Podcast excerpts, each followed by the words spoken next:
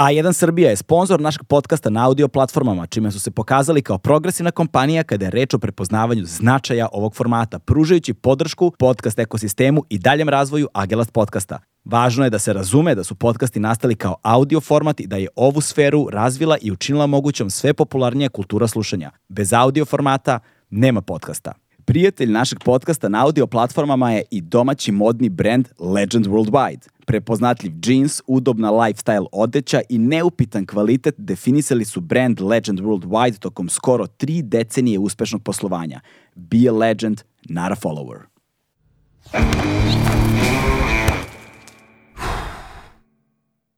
Hmm.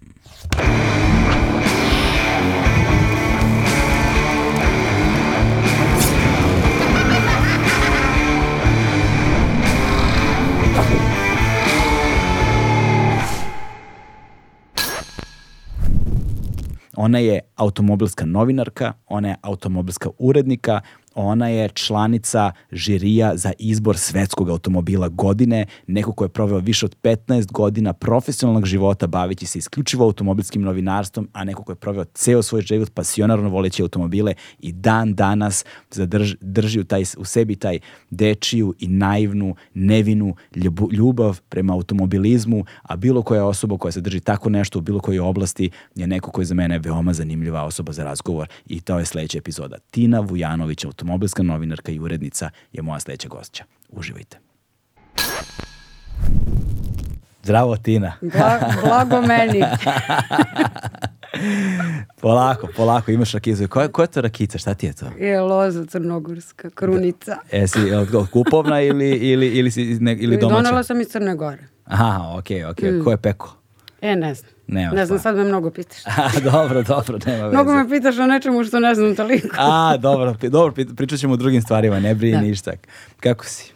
E, pa evo, ovaj, prilično anksiozno, ali ovaj, kao napokon sam da, došla. Zanimlj, zanimljiva je stvar, zapravo ja sam prvi put sa Lukom pričao, pozdrav za Luku ovom, mm -hmm. ovom prilikom, a, o tebi pre, pa ne znam, kad smo pričali nas dvojica, pitao sam ga ja, ne, ne znam, ima recimo dve godine, recimo ima. Lupiću otprilike tako nešto.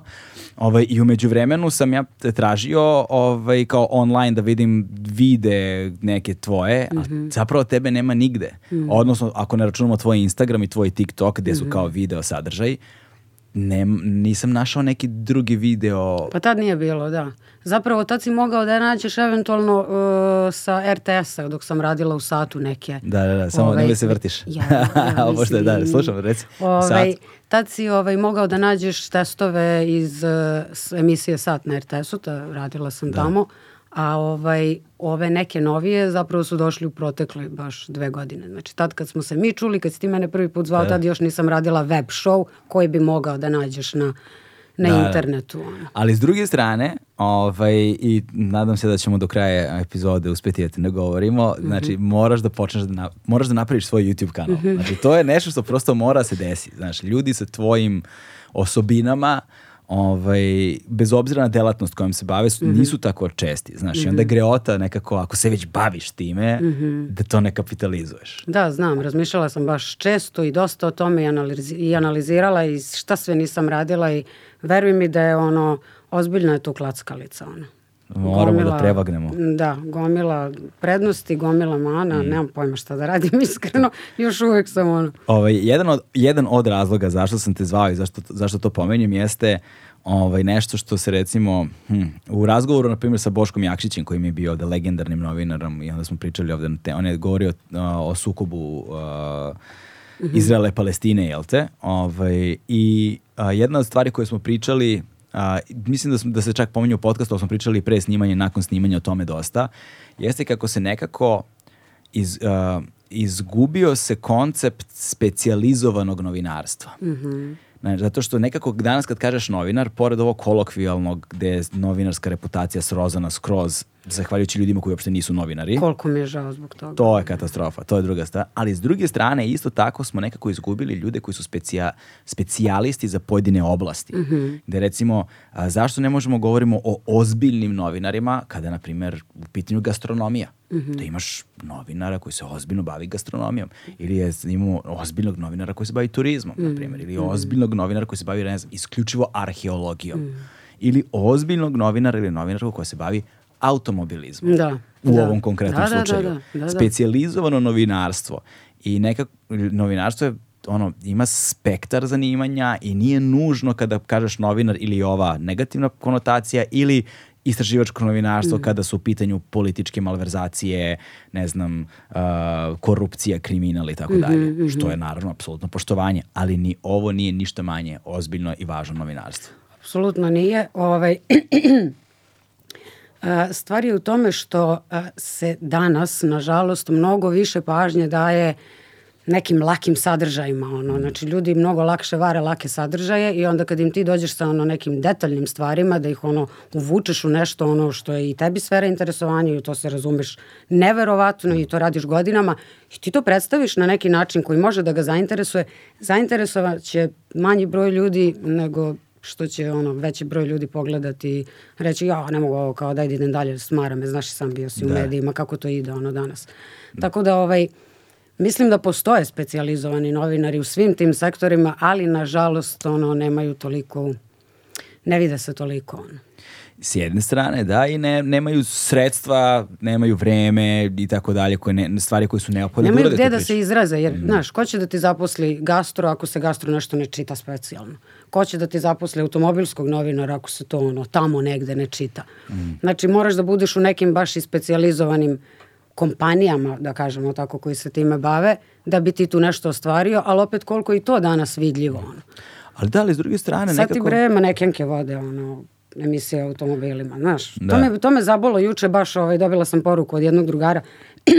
ajde kao, da mene stalno ljudi nagovaraju na taj YouTube šta da. ti radiš. Da. Ajde bre kreni u taj YouTube šta je s tobom, jesi otvorila TikTok pre 10 dana, gle koliko tamo imaš pregleda, kao ono, bukvalno si nabacala neke stvari, otvara YouTube. I ja kao, ma da, ali ja sad tu krenem, ono, kao što smo i mi pričali, ovaj, i kaže on, dobro, onda dozvoli manekenkama da vode emisije o automobilima, a ne novinari. I da. meni to ostane mi ono, da. znaš, kao daj, hoću stvarno da dozvolim to ili ne. Ali dobro, da, nije lagano. pitanje, nije pitanje dozvoljavanja toliko, ne bih ja to rekao, znači, može da vodi kogod hoće, šta može. god hoće i treba da postoji, postoji ovoga i onoga. Postoji publika za to, tako. Da, postoji publika za to, sve je okej. Okay. Ali postoji publika za negde ozbiljniji ozbiljnije obradu sadržaja. Mm -hmm. ovaj, I ja sam dugo živeo u zabludi da ovaj, te publike nema, mm -hmm. ali zapravo sam shvatio da se samo toj publici niko nije obraćao dugo. E, to je to. Znaš, mm -hmm. da, se mhm. nije, da ju se niko nije dugo obraćao i da ti je neophodan samo taj ono... Uh, uh, kako, korak vere, nazovimo mm. ga tako. Ne znam kako bi ga prevao. Sviđa mi se na engleskom iz the leap of faith. Mm, yes. Znaš, taj, da zapravo ti treba napraviš taj prvi korak, a onda ćeš samo da vidiš odjednom kako je ta publika tu. Mm. Zapravo su sve vreme bili da, tu. Da, treba rizikovati. A, da, U tom taj smislu baš treba napraviti. A, e, Taj ali, rizičan korak. Da, ali nije ga lako napraviti. Da, ja razumem zašto mm. ljudima to nije lako. Ovo, ovaj, I ja se stvarno nadam da, da ćeš ti to da uradiš jer potrebno nam je, neophodno nam je, znaš. Da. Jer zašto bismo E, ljudi su zbog nedostatka domaćeg sadržaja tog tipa se orijentisali odavno, govorimo decenijama, mm -hmm. na strani sadržaj. Ljudi su navikli takve stvari da konzumiraju na engleskom jeziku. Da. Znaš, Oni ne... koji razumeju engleski jezik u Srbiji. Tako je, da. A većina ne razume. Misliš? Dobro, ne znam, znaš, ti... Pa većina, da. znaš, da. kao nismo baš nešto najobrazovanija nacija u Evropi, to čak smo negde pri dnu, tako da ovaj, ono, imamo problem sa pismenim ljudima, kamali sa ljudima koji govore engleski bez da mhm. vređam mm. ikoga, stvarno, ono, nažalost je tako. Jasno, ovaj, da. Tako da mnogo veći ovaj, mm. rič će imati ljudi koji u Srbiji koji se bave automobilizmom na YouTube-u, mm. uh, koji ono, se, ono, obraćaju na taj neki ajde da. da. kažemo ono... A koliko se ti zapravo dugo baviš? Mislim, ja otkako, te, ja otkako te poznajem ti se baviš automobilizmom. Da. A znam te dosta dugo. Da, da, da, ba, dugo se znam. tako, e, tako da ovaj... Uh, kad si, ka, koliko se dugo ti zapravo pa baviš? Pa evo zvanično, uh, 15 godina sam ovaj, automobilski novinar. Mm -hmm Ovaj, a kao ono, mislim, sam zaluđenik čoveče za automobila od kad sam bila klinka. Znaš, ona klasična priča, ja sam umesto lutki više volala autiće. Stvarno je, stvarno je bilo tako, dobro, kasnije se to malo razvilo mm. u nešto ovaj, ozbiljnije. A si od nekoga nasledila to? E, i sad pazi šta je fora. Obično ljudi koji su u mom poslu ili su toliko ono, okruženi automobilima i toliko su zaluđeni automobilima, uglavnom ti je to priča, e, odrastao sam u garaži, ono, čale mi je automehaničar, ono, moj da. čale nije ili kao Čale mi vozio trke pa sam ja kao ceo život u ono to kod mene nije slučaj, ono, eventualno je Keva mogla da kažem da se bavila trkama, ali u saobraćaju. tako, da, da. tako da nije. Ovaj, znači, ne dolazim iz neke klasične porodice gde kao od malena nešto smo se tu mm. bili okruženi automobilima, ovaj, ne. Ćale je zainteresovan za automobile, imao je ono neke strava egzotične automobile, ono toko mogu odrastanja tipa cela juga vozila Fiću i Stojadina, moj Ćale imao Ostina Legra. Znači, Šta je Austin Allegro? Mor, mislim, ne znam kako da ti je, engleski automobil, ono, Sačka jedan... Da, sad ću ga preguglam, koji model A, da probam? Da, probam, samo stavi Austin Allegro, otvori slike i mm. pokazat ću ti koji, znači, potpuna egzotika tada na ono našim putevima i kao moj čale ima to. Au, ja sam čak i viđao e. ove automobile, da, da, da, da, da, koji? brate, taj, vidi ga, wow. samo je bio crni, vidjeli, ne, bio je plavi pa ga je poslao farbu u crni. Ovo je neka, šta je ovo, rezedo neka, onako gotivna boja. Da, mm, da. neka ta plavkasta. Da, da, da, strava. I, ovaj, I onda je Čale imao to i on se bavio, znači njega je mehanika privlačila, mislim mm. Čale mi je inače ono, završio dva fakulteta elektrotehnika tamo vamo, znači zna čovek šta radi. Ove, ovaj, I sa te Čaletove strane imam još dva brata Petrolheda, Uh, jedan od tatke, jedan od strica, oni su isto ceo život ono, mm. oko automobila, tako da kao ima nas u tom smislu koji smo zaluđeni za kao mehaniku i automobile sa Ćaletove strane, a realno za vožnju i ono celu tu priču oko vožnje, to mi je sa Kevine strane. Tako da umesto ono odrastanje u garaži ili nemam pojma, ono negde blizu trka zapravo se spojilo ono Keva Ćale u um, potpuno jednog malog frika za De, automobile. Ali, ali, vidiš, zanimljivo je. Ovaj, ja se sećam kad sam bio klinac, a, jedan od prvih... Sad, tako je u mom sećanju, ne znam da li je to tačno. Mm -hmm. a, u mojoj ulici je postao Škoda servis. isključivo Škode mm -hmm. i tu, su, tu je bio ovaj, uh, majstor Dragan uh, koji, je, koji je imao dva sina mm -hmm. ovaj, i koji su bili zaluđenici za Škode. Jedan, mm -hmm. mislim, da se čak i trkao. Imali su one, znaš, one stare iz 80-ih godina, one De, trkačke ne, Škode. Ne, znam, kako ne znam, bre, one što su, šta je to? Tako, sa onim okruglim farovima, onako, da. onako, da, e, to imali ste trkačke... kako se to čuje, bre, sad, danas? Ja, e, to, imali ste trkačke Škode. Ja se sećam da, sam, da su zapravo neki moji prvi posteri bili Škode, u stvari. Pazi e, znači ono... A sa, popuno sam ono, ali sam to od njih, ono, da, da. od njih dobio. Ovaj, I dosta ljudi u kraju je vozilo Škode zahvaljujem da, zbog da, njih, da. jer su tu imali majstora za Škode, Strava. koji samo Škode popravlja. Da, da. da, Ovaj, sad ne znam koliko tih Škoda servisa bilo u mm -hmm. teritoriji Beograda ili Srbije. Mm. Možda su bili jedini, nemam da. pojma, stvarno nemam referentnu vrednost. Ali je bio taj. A, ali znam da je bio i se, naravno početkom 90-ih smo svi bili zaljubljeni u Ferrari Testarosu i kao to je i to je kao bio drugi poster koji sam da, imao. Da. Ali gde si ti zapravo nabavljala sadržaj koji si konzumirala u tom periodu? Joj, znaš kako, ajde da krenemo ovo baš od kad sam bila klinka. Da. Uh, imam ono par nekih stvari da ti kažem koje su mi onako zanimljive. Uh, Krenula sam uh, to kao prvo autići, znači ja kad dobijem ono neki automobilčić, to je kao strava, kad dobijem lutku s morije, nije da se nisam igrala s lutkama, e. ali automobili su uvek imali prednost. I dobijem ja čoveče prvi bajs ono. I kao prvi bajs, znaš, da. sad kao ono, jedva čekaš da ideš napolje da ga provozaš, ne, ono, znači ja sam s mojim prvim bajsom se zatvorila u sobu, I Kevo i kao bilo u fazonu, a kao ono, raduje se, razgleda vamo tamo. Znaš šta sam uradila, brate? Znači ja sam taj bajs razmontirala ceo. Znači skinula sam zvonce, da me pitaš sad kako, čime, pojmene. Skinula sam zvonce, skinula sam pedalu, krenula da skidam točak. Ne znam šta sam radila, ono kao nema, dva sata oni dolaze bajs rascopan. Kao okej, okay, ono, zaš, zašto nisi htela prvo da ga provozaš, ono nego kao, I tu kao Keva krene, ma kao ona mali majstor, viš ti da ona sve hoće kao nešto po kući, mali majstor. Mali majstor, ja jednom bre popravila ringlu na gajbi jeba. Da, da, da. Znaš kao, ono, znaš, desi se. Pa kao nešto kao popravio vam. I ovaj, u svakom slučaju krenu tu ono, ovaj, automobili da me baš zanimaju.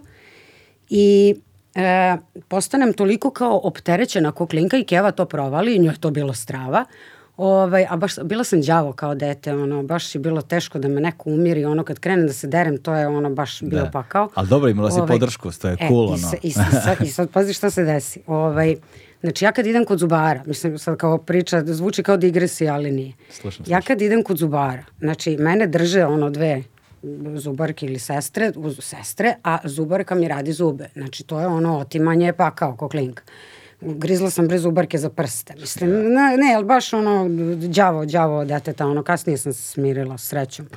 I ovaj, šetamo Keva i ja gradom i e, gledamo nešto po izlozima i naletimo na neki, ovaj, kao, mislim, naletimo na neki, ja to videla i zalepila se za izlog, trkačka staza kao ona crna, ono što spajaš iz delova i dobiješ uz nju pet malih automobila. A, da, sećam se toga. Da. Kao odlepim. I ovaj, ništa, Keva to upamtila i kaže mi kao treba da ideš kod zubara, treba da radimo neku kao intervenciju, sad ona tu mene priprema, tad ono, mislim, ne tad, nego nije, nije se radilo pod anestezijom.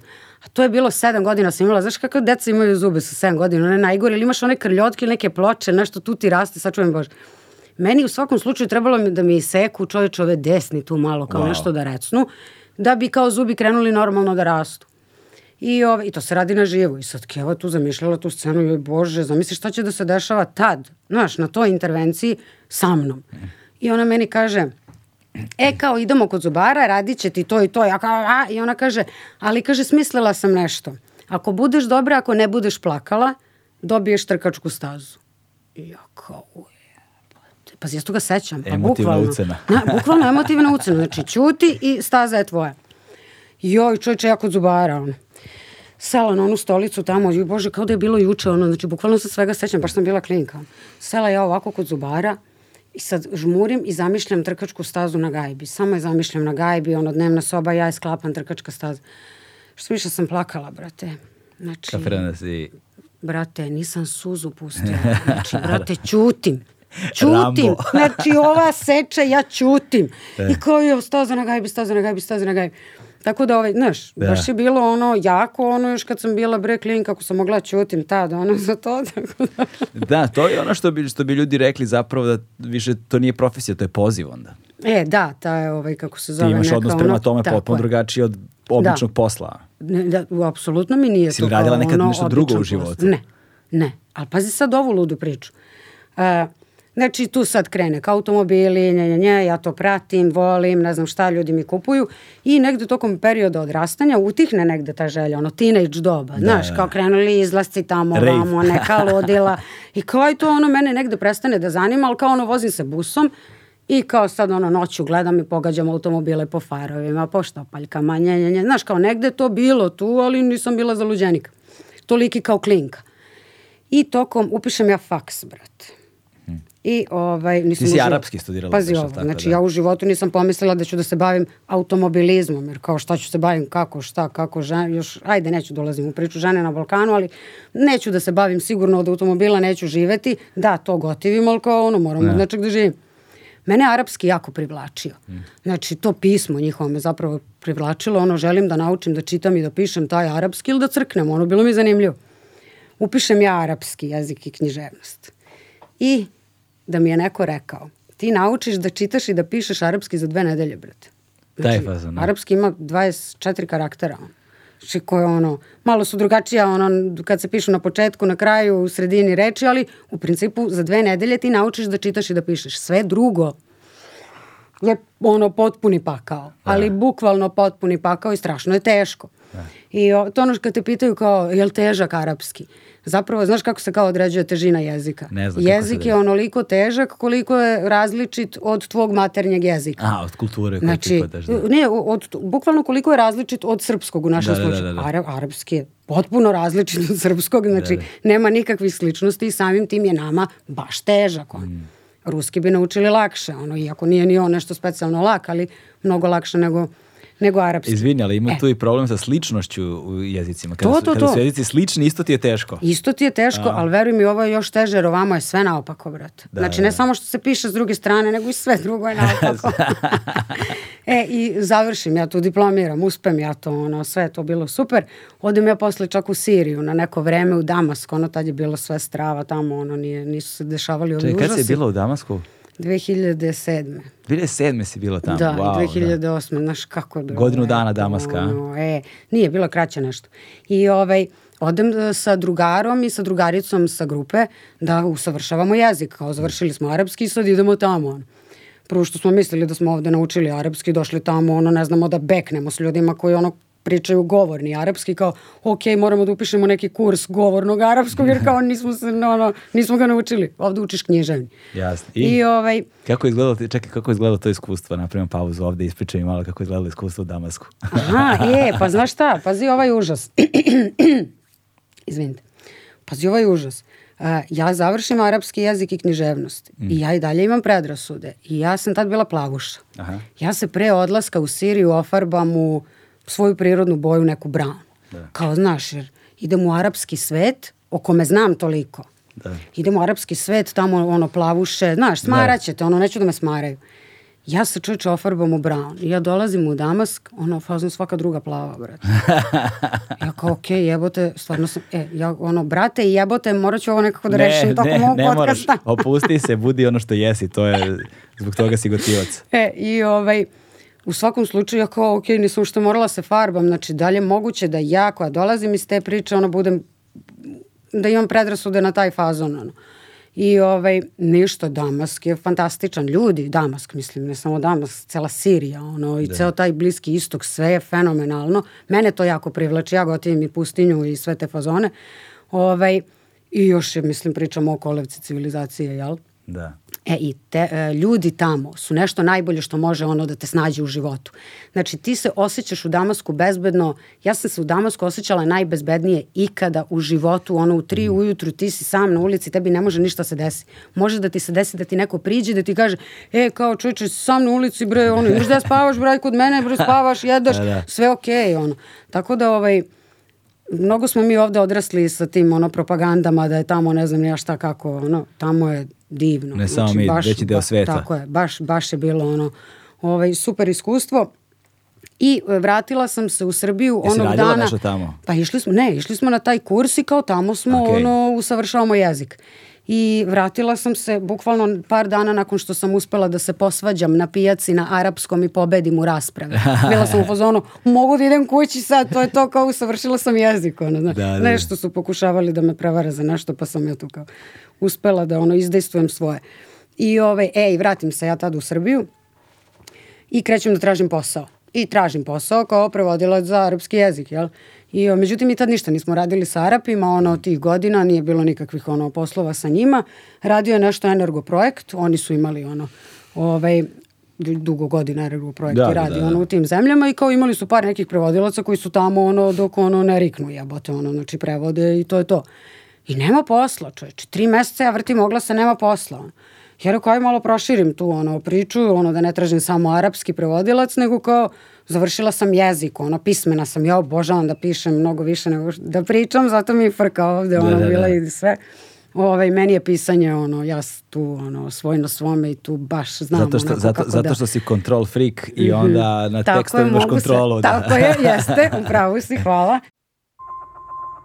A1 je prvi prijatelj audio izdanja Agelast podcasta.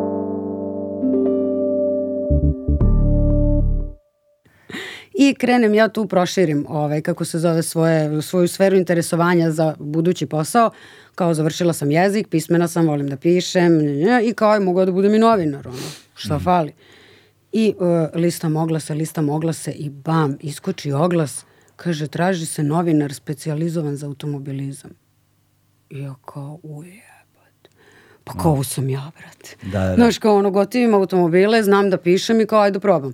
I prijavim se, ono, I to ti je bila a, revija Sat Plus, brate, pokojni Mirko Alvirović, ono, ovaj, postavio oglas, bila? to je bilo 2008. Pa da, ta se vratila, da, tako je. Znači čim si se vratila, prvi oglas pa da, si našla. Da. da, prvi oglas, a da nije kao ono, da kao ta proširana ono, pretraga bila.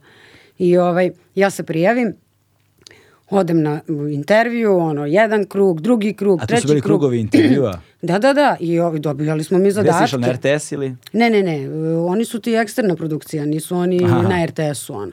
Znači, Revija Sat Plus, kao Sat Media Group posluje kao posebna kompanija. Da, ne znam koja im je konstrukcija, ono, nemam ne, pojma. Nema to da. ja, samo, ja samo znam emisiju sa RTS-a. Tako je, da, da, tako, kao što svi znaju, to je da. okej. Okay. I ovaj, e, dobijala sam ja razne zadatke tamo da uradim, ne bili oni proverili ono nivo mog znanja, mojih sposobnosti i tamo ovamo potpuno ono ozbiljne stvari, mm. dobre stvari su se radile. Ovaj, Meni to bilo jako zanimljivo. Ja sve to prođem. Čovječ. Jel znaš koliko vas je bilo tada? Jel znaš E, pa on mi je rekao tad, Mirko, da je bilo kao 300 ljudi da se prijavilo, što meni bilo kao, wow, 300 posle kad su me primili, kao, čoveče, jedna od 300 i to žena, kao, da. znaš. I ovaj, U svakom slučaju prođem ja to sve i ovaj, e, kaže meni ja sam nanjušio da ti ne samo što si kao ono razumeš automobile i što voliš to nego kao ti si novinar. Da, da, da. Ti si kaže dobar novinar, imaš ti nos za te stvari i kao možeš ti da radiš razne stvari, ono, istraživačko novinarstvo, ovo novinarstvo, ono. I to je meni bilo negde i neki kao ajde da kažeš, po, dobro stvari početak, sam početak tamo rada je bio ono kao i svaki početak automobilskog novinara pišeš savete, brate. Da, da, Znaš, da kao kopaš, pitaš ljude, nje, nje pišeš savete kako da, ne da, znam, to, ovo, to je ide jesen. Znaš, kao, ma, i dan danas je. Znači, to Jel možda da? vrtiš da recikliraš ono svake godine. Stigla je jesen, šta da proverite na vašem vozilu pred zimu, najbitniji saveti pred zimu, pa ovo, pa ono, znaš, mislim na tome ono... Idete na planinu. Tako je, šta pore, da, da radiš, znaš, kao kako, koji pritisak u gumama, šta ste poneli sve od opreme, jel ovo, jel ono, bukvalno sve, znači te savete apsolviraš na početku, ono. I onda ih recikliraš. Ali ih ono, mislim, da. koristiš da. ih ono i tokom ovaj, kako se zove, kasnije karijere, ali sad zavisi, ono, nećeš ostati na savjetima ceo život, ono, mislim, ako ti karijera ide nekom uzlaznom putanju. Ovaj, u svakom slučaju, ovaj, tu kreću ti savjeti, nje, nje, tek posle nekog vremena, ovaj, ti krećeš kao sa tu neke malo ozbiljnije stvari, neke istraživačke teme, pa je kao novi zakon, pa šta je u novom zakonu, pa kako to na vozače, pa ovo pa ono. E, i meni je tamo bila sjajna škola, jer ono, Mirko nije bio lik za zajebanciju uopšte, ono. Znači, njega ljudi znaju sa RTS-a, ono, harizmatičan čovek koji, ono, vodi tu emisiju Legenda, je bilo, da, ono. Da. Ovaj, I, međutim, on uopšte nije bio sladak za saradnju. Znači, ne, ne pričam ja sa to iz nekog ono ugla da popljam čovjeka daleko od toga. Da, nego. Da. ja napišem tekst, on mi vrati. Ja napišem drugi put, on mi vrati. Napišem sedmi put, on mi vrati. Ja ne znam što mi vraća, jebote. Da, da, da. Znaš, ko piše ponovo, ne valja. Nisi tu temu, jebote.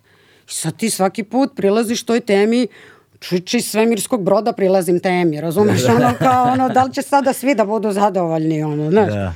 E, i zapravo ti na taj način postaješ novinar. Mm. Jer uzimaš sve u obzir. Znači, uzimaš u obzir ne tvoje lično, ko si ti, još ti nisi porastao da bi ti mogao da daš neko tvoje lično mišljenje tu u, u poslovnom smislu. Nego uzimaš bre sve situacije u obzir i onda ti napraviš stvarno kvalitetnu temu, jer i ove će razumeti, i ove će razumeti, i ove, ove, znači nema ti tu ono, e, i onda kad ti napraviš tako kompletan tekst, to prođe. I ovaj, E, a ja sam ovo što si me pitao ovaj, na početku, gde sam ja zapravo nalazila sadržaj. To, to su da. bili automobilski magazini. Da. Ovaj, tadi meni je omiljeni automobilski magazin bio Autobild. Znači ja sam to čitala ono kao luda. To mi je bilo baš ono strava. Nekako i pristup bio drugačiji, ono opušteniji, imali su ono razne neke zanimljive stvari koje su mene u tom periodu privlačile i toko mog rada u Satu, ja tu ono naučim, bila sam tri godine tamo, uh, E, i čovječe Ringier kupi e, autobil licencu ja, čoveče, što je to meni bilo ono, ja pređem tamo, brate. Da. I to pređem tamo, sad pazi, ovamo sam kao prestala da radim više te savete, počela neke malo istraživačke teme, malo nešto oko automobila je bilo ono da kažeš, nije bilo testova tad, ono. Nego šta bi neko da da, bre, ti testiraš auto, tek si se tu ispilio, ono, znaš? Da, da, da. E, i tu možemo napravimo paralelu i sa ovim kasnije današnjim klincima koji su u fazonu, ja ću sad odmah da uzmem da testiram auto i ja ću kažem svoje mišljenje. Ok, ko si ti? Da, da. Što je tvoje mišljenje bitno? Ono? Ko, koji ti to auto koji si seo, razumeš? Pa kao peti, ono to mi je auto od ortaka, ja znam da kažem da je brz. U, strava. Znaš kao? Da, da, da. A hiljadu tu stvari ima, ono. Jasno, Ove, ovaj, jasno. I u svakoj, pa to bre, i one priče kao da se potpišeš. Čoveče, znači, da, da me potpiše ono Mirko tad. Znači, potpisivala se Revija Sat Plus na moje tekstove. I ja kao jebote, da li ću ikad biti potpisana? TV, Tina, ono, Tina Vojanović. Da, inicijali TV. prvo. I, ali pazi, ti se bre obraduješ ono da, kao, E, TV, e, te, TV. to sam ja. I onda dok dođeš do t. Vujanović, da, da. treba prođe vreme, jebote. Znaš, a, to su, vrati, bile te neke kao stare vrednosti koje su zapravo, ono, vrednosti. Da, da. Ovo sad nove vrednosti, meni nisu vrednosti. Ali nema već, svako imale, možda da. bude kao nešto. Znaš. Imale, su, imale su smisla u tom sistemu. Da, da, te, da. težinu. Da. Neku ti si sad tu nešto uradio, iscimo si se kao, ono, debelo si se iscimo i zaslužio si, ono, da ti se nađe prezime tu.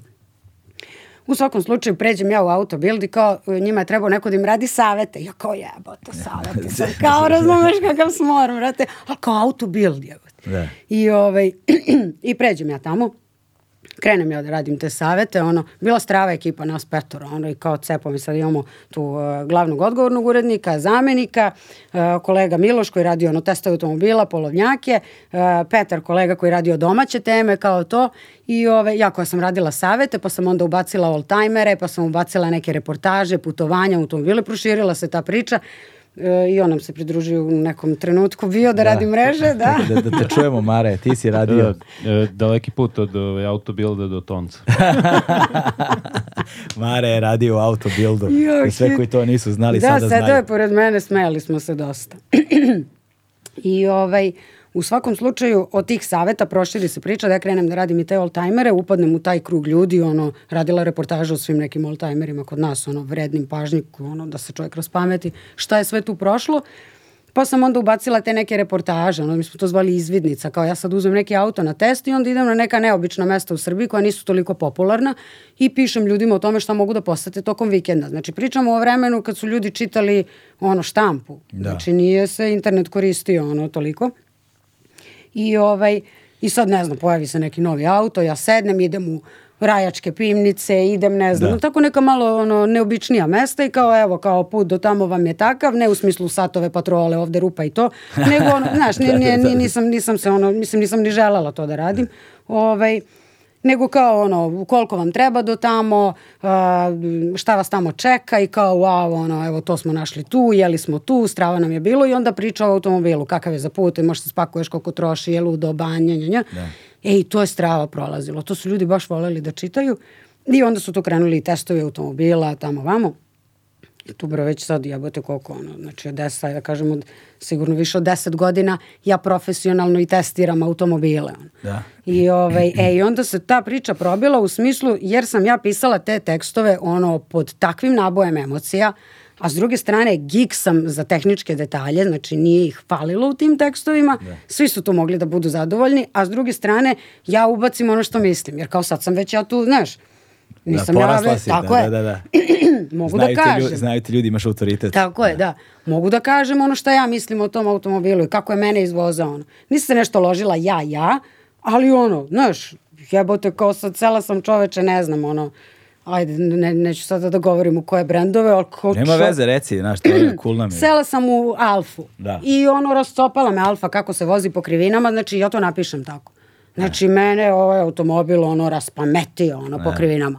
Znači, ne kažem leži ko pegla, ne koristim ono za magazin te izraze. Lepo ja objasnim, oslanjanje je... Šta znači leži on, ko pegla? A da je ono stabilan u krivinama. a to ti je, znaš... Nisam čuo za taj izraz. Čovječe leži ko pegla, auto je pegla, On.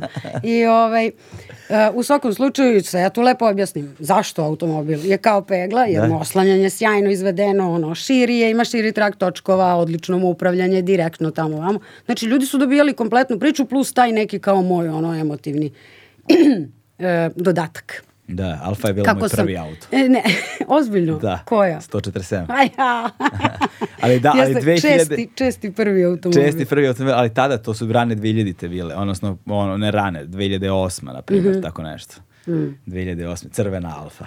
Pa strava, jel da se dobro voze? Ma da, ja sam se Zabavne su za vožnju koliko god ljudi pljuvali ovde Kod nas alfa pa ne znam, ja nis, nis, nisam, nisam, nisam toliko, ovaj, nis, nisam nikada toliko dovoljno duboko zagazio u svet automobilizma da bih se upoznao sa tim klanovima ko šta voli, ko šta da, ne da, voli. Da, da. Tek kada sam počeo recimo da kupujem opremu za ovakve stvari, recimo mm -hmm. ja sam i kada smo radili dokumentarce i kada smo radili brojne druge stvari na televiziji, ja se opet nisam nikad interesovao za opremu. Mm -hmm. Znači, ja nisam o kamerama znao da. ništa, o fotopratima, da, da, da. objektivima, o ne znam, nije me zanimalo, ja sam se bavio sadržajem.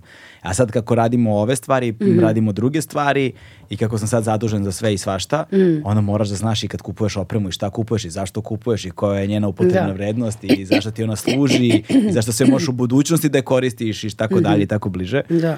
I, ovaj, I sad sam se upoznao sa aspektima ono, na sad, sad ono, od montaže, sad od montaže aparata, objektiva, da. ono, znaš, čudesa, rasvete mm. i različitih stvari. Ovaj e, isto tako, Uh, sam se ono upoznao da ne znam, ono, postoje klanovi u fotoaparatima. Znaš, ovi su mm. samo Canon, ovi su samo Nikon, ovi su samo Sony. Znaš, Mora polarizacija da postoji ratovi. ono, u I, svemu danas. I siguran ono, užas. sam da ta ista vrsta... mi se od tih stvari. I ta ista vrsta sukoba sam siguran postoji u automobilizmu. Ti nas shvataš do koji to ide razmera. Znaš, da, da. mislim razmera na internetu. da, da, da. Ja izađi na crtu, znaš, kao ono na, na internetu. da. Ko oni kučići, ono, znaš, kad laju jedni na drugi što ima, ima se ga nađe. Neki video se, da, da, da, da, ono kao laju i kidaju se, ona ograda je tu i ona otvori ogradu i oni odu svako na svoju stranu, kao niko ništa. tako je, tako e, je. E, da, postoji užas. Kad si rekao prvi auto, meni je prvi auto bio čoveče, to, da, bre, za polaganje, bre, da kažem. Znači, ja sam sanjala da polažem vožnju. Jo, kao, znaš, hoće li više, ono, znači, e, samo da, da vozi. da voziš pre? Ne, znači, Keva mi je pokazala par nekih stvari, ovaj, ono, tipa, pokrenula sam auto i zaustavila se, ali sam bila, ono, da. geek i tu, ono, znaš, kao štreberče i kao, ja hoću lepo sve, ono, u autoškolu. I, ovaj, upišem ja, ono, posle rođendana, tu se nešto razvlačilo, tamo, vamo, E, imala sam neke silne pauze. U svakom slučaju položim ti ja 23. marta 99. Wow. Znaš šta je bilo 24. marta Kako? 99? Svi znamo. Da. Brate, počelo bombardovanje, a ja dobila dozvolu. I? I kao, okej, okay, šta ću sada da radim, sediš kući, jebote.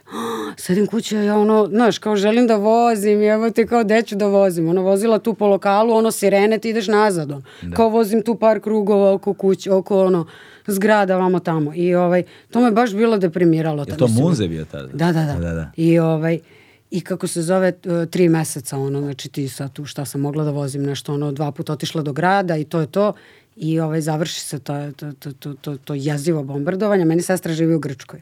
Mm -hmm i ja kevu i babu u auto i idemo jugom za Grčku. Brate. Wow. znači moja prva vožnja, realno, da. idem za Grčku, jugom. Znači ono, aj kao još što su tamo ljudi bili u fazonu, kao gle, neko je došao jugom. Da, da, da, Znaš kao, ovaj, i ja kao kad bi znali da sam položila pre tri meseci da nemam nikakvog iskustva, ono, ali dobro, Keva je ono, vozač, ono, bila da. baš strava i ona sadala tu poredi, nemam frku, ono, da, znaš, da. ako nešto, sašće ona.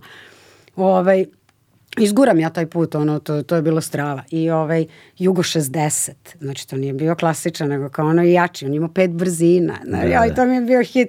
Kaže, Keva, vozimo, ubaci u petu, to je ona ekonomična. Znaš, da, kako da. je to vreme bilo kao peta ekonomična, ja sad kao ono, hit.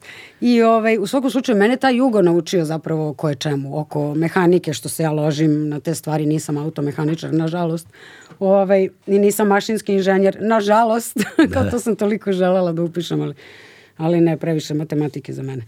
I ovaj, ja na jugu naučim svašta. Znači, taj automobil se redovno kvario, jel? Znaš, kao da. prođeš kroz baru, on stane, ono.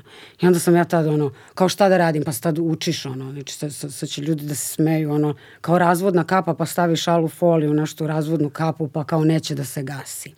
E, pa ne znam, Ann Lasser mi izriknjavo sto puta, pa ti tu nešto tamo čukaš, znaš, kao saznam kako da popravim stvari. Neće da pali, ja otvaram karburator, tamo kapljem ono gorivo, ono onaj leptirčić. Deve. Da, da. I on kao pali, znaš, i tako svašta ja tu naučim.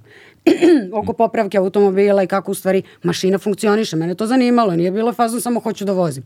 Nego hoću znam kako stvari rade, hoću znam kako motor radi, hoću znam ono, kako su poveze, šta, točkovi, gde se prenosi snaga, nj, nj, nj, sve me to zanimalo. I, ovaj, I sve ja to dobijem od juga u smislu kao evo ti kao, mm. znaš, želiš da znaš što će ti riknjan svako malo da ti učiš ono. I, ovaj, I posle juga kupim ja čoveče, ja ne znam da si čuo za taj auto, Volvo 480 turbo. Znači to ti je Volvo mali sportski kupe što mu se dižu farovi, brate. Da, da, da, da. Jo, čovječe, znaš ti šta je to bilo da. za mene tad? Ono, znači, kupila sam auto, ima 122 konjske snage na 950 kila. Znači, meni je samo to bilo u glavi. 122 konja na 950 kila, pa to leti, ono, znaš, neki 1.7 motor, znači, sve strava. Je leteo, stvarno? E, leteo. Znači, kad je radio. ovaj, to, to je bila fora, zato što je taj automobil više stajao nego što sam ga da, vozila. da, da. I ovaj... I ja sam tu sad bila strašno primljena na taj automobil. Loša strana tog automobila je što ih u Srbiji bilo fazom 3, baš je egzotičan redak model. Ono. I nemaš bre delove za njega. Nema delova, automator kvari se. Ono. Znači, da, ja, da, sad da. kao če... ja sam ti za njega čekala delove noću na autoputu da mi stignu iz da. Šapca da. fazom protokomer čekam, ono, znači, razumeš? Moram da ukucam da vidim kako se zove Volvo. Volvo 480, 480 Turbo. Znači, ne ja, ja. S, nego Turbo. Vidi ga kakav je, Vidi ga macan kakav je Vidi ga, bre, kakav je to lutkica, Znaš bre. Znaš što mi liči? Malo, malo mi liči na, na, da na, na, na, legendarni auto tog vremena. Mislim, barem nama klincima je bilo to kad se farovi dižu. Mazda 323F. O, pa, pa čove. To nam s je bio, reklamama to, nam je bio, vrate, to znači, kad smo videli, to je baš bio ono wow auto. Sećam se kad smo ga znači. prvi put videli u ulici, a, beli je bio a. neki, znaš, sa farovima i onda, yes. i, ova, i, onda, i onda smo sedeli, na primjer, preko puta na trotoaru, sedimo i recimo ne znamo čije auto, ali mm -hmm. tu je ispred neke kuće parkiran da. i onda mi sedimo recimo satima čekamo kogod da je, da izađe iz, aut, da izađe iz kuće, da uđe u auto, da ga upali, da, da, da, da se dižu farovi. Da, da se dižu farovi, ja strava čovječ. to nam je bila A jeste, baš je super fora ono. Da, to ljudi ne znaju, sad mislim da. mlađe generacije vjerojatno ne znaju, ali taj moment sa farovima koji se vade je bio takav fetiš. Jeste. Početkom 90-ih. Ti si tad vozio bilo, sportski auto. To je znači, bilo znači, to je oznaka da ti voziš sportski auto, nekako je to značilo. Da, ali ta mehanika, to je nešto, ima, nešto, ima nečeg u tom pokretu. Ima, ono, znaš, da. ono, e, kako se to zove, odli seti satisfying, ono neke da, stvari. Da, ne, nešto što je jako... Naš, nešto tu ima. Da, da, da, da neš, nečeg čudnog ima u simboliki, simbolici tog pokreta, Aha. ovaj, kad ti farovi izlazi, kad se vraćaju, da je to yes. isto kao što nam je bilo fascinantno kad su prvi put videli, na, na, nisam nikad to recimo vidio uživo, jel to beše na Rolls Royce-u, jel te kako izlazi onaj znak, znak da, i vraća da, da, se da. unutra, a, tako to. Znaš.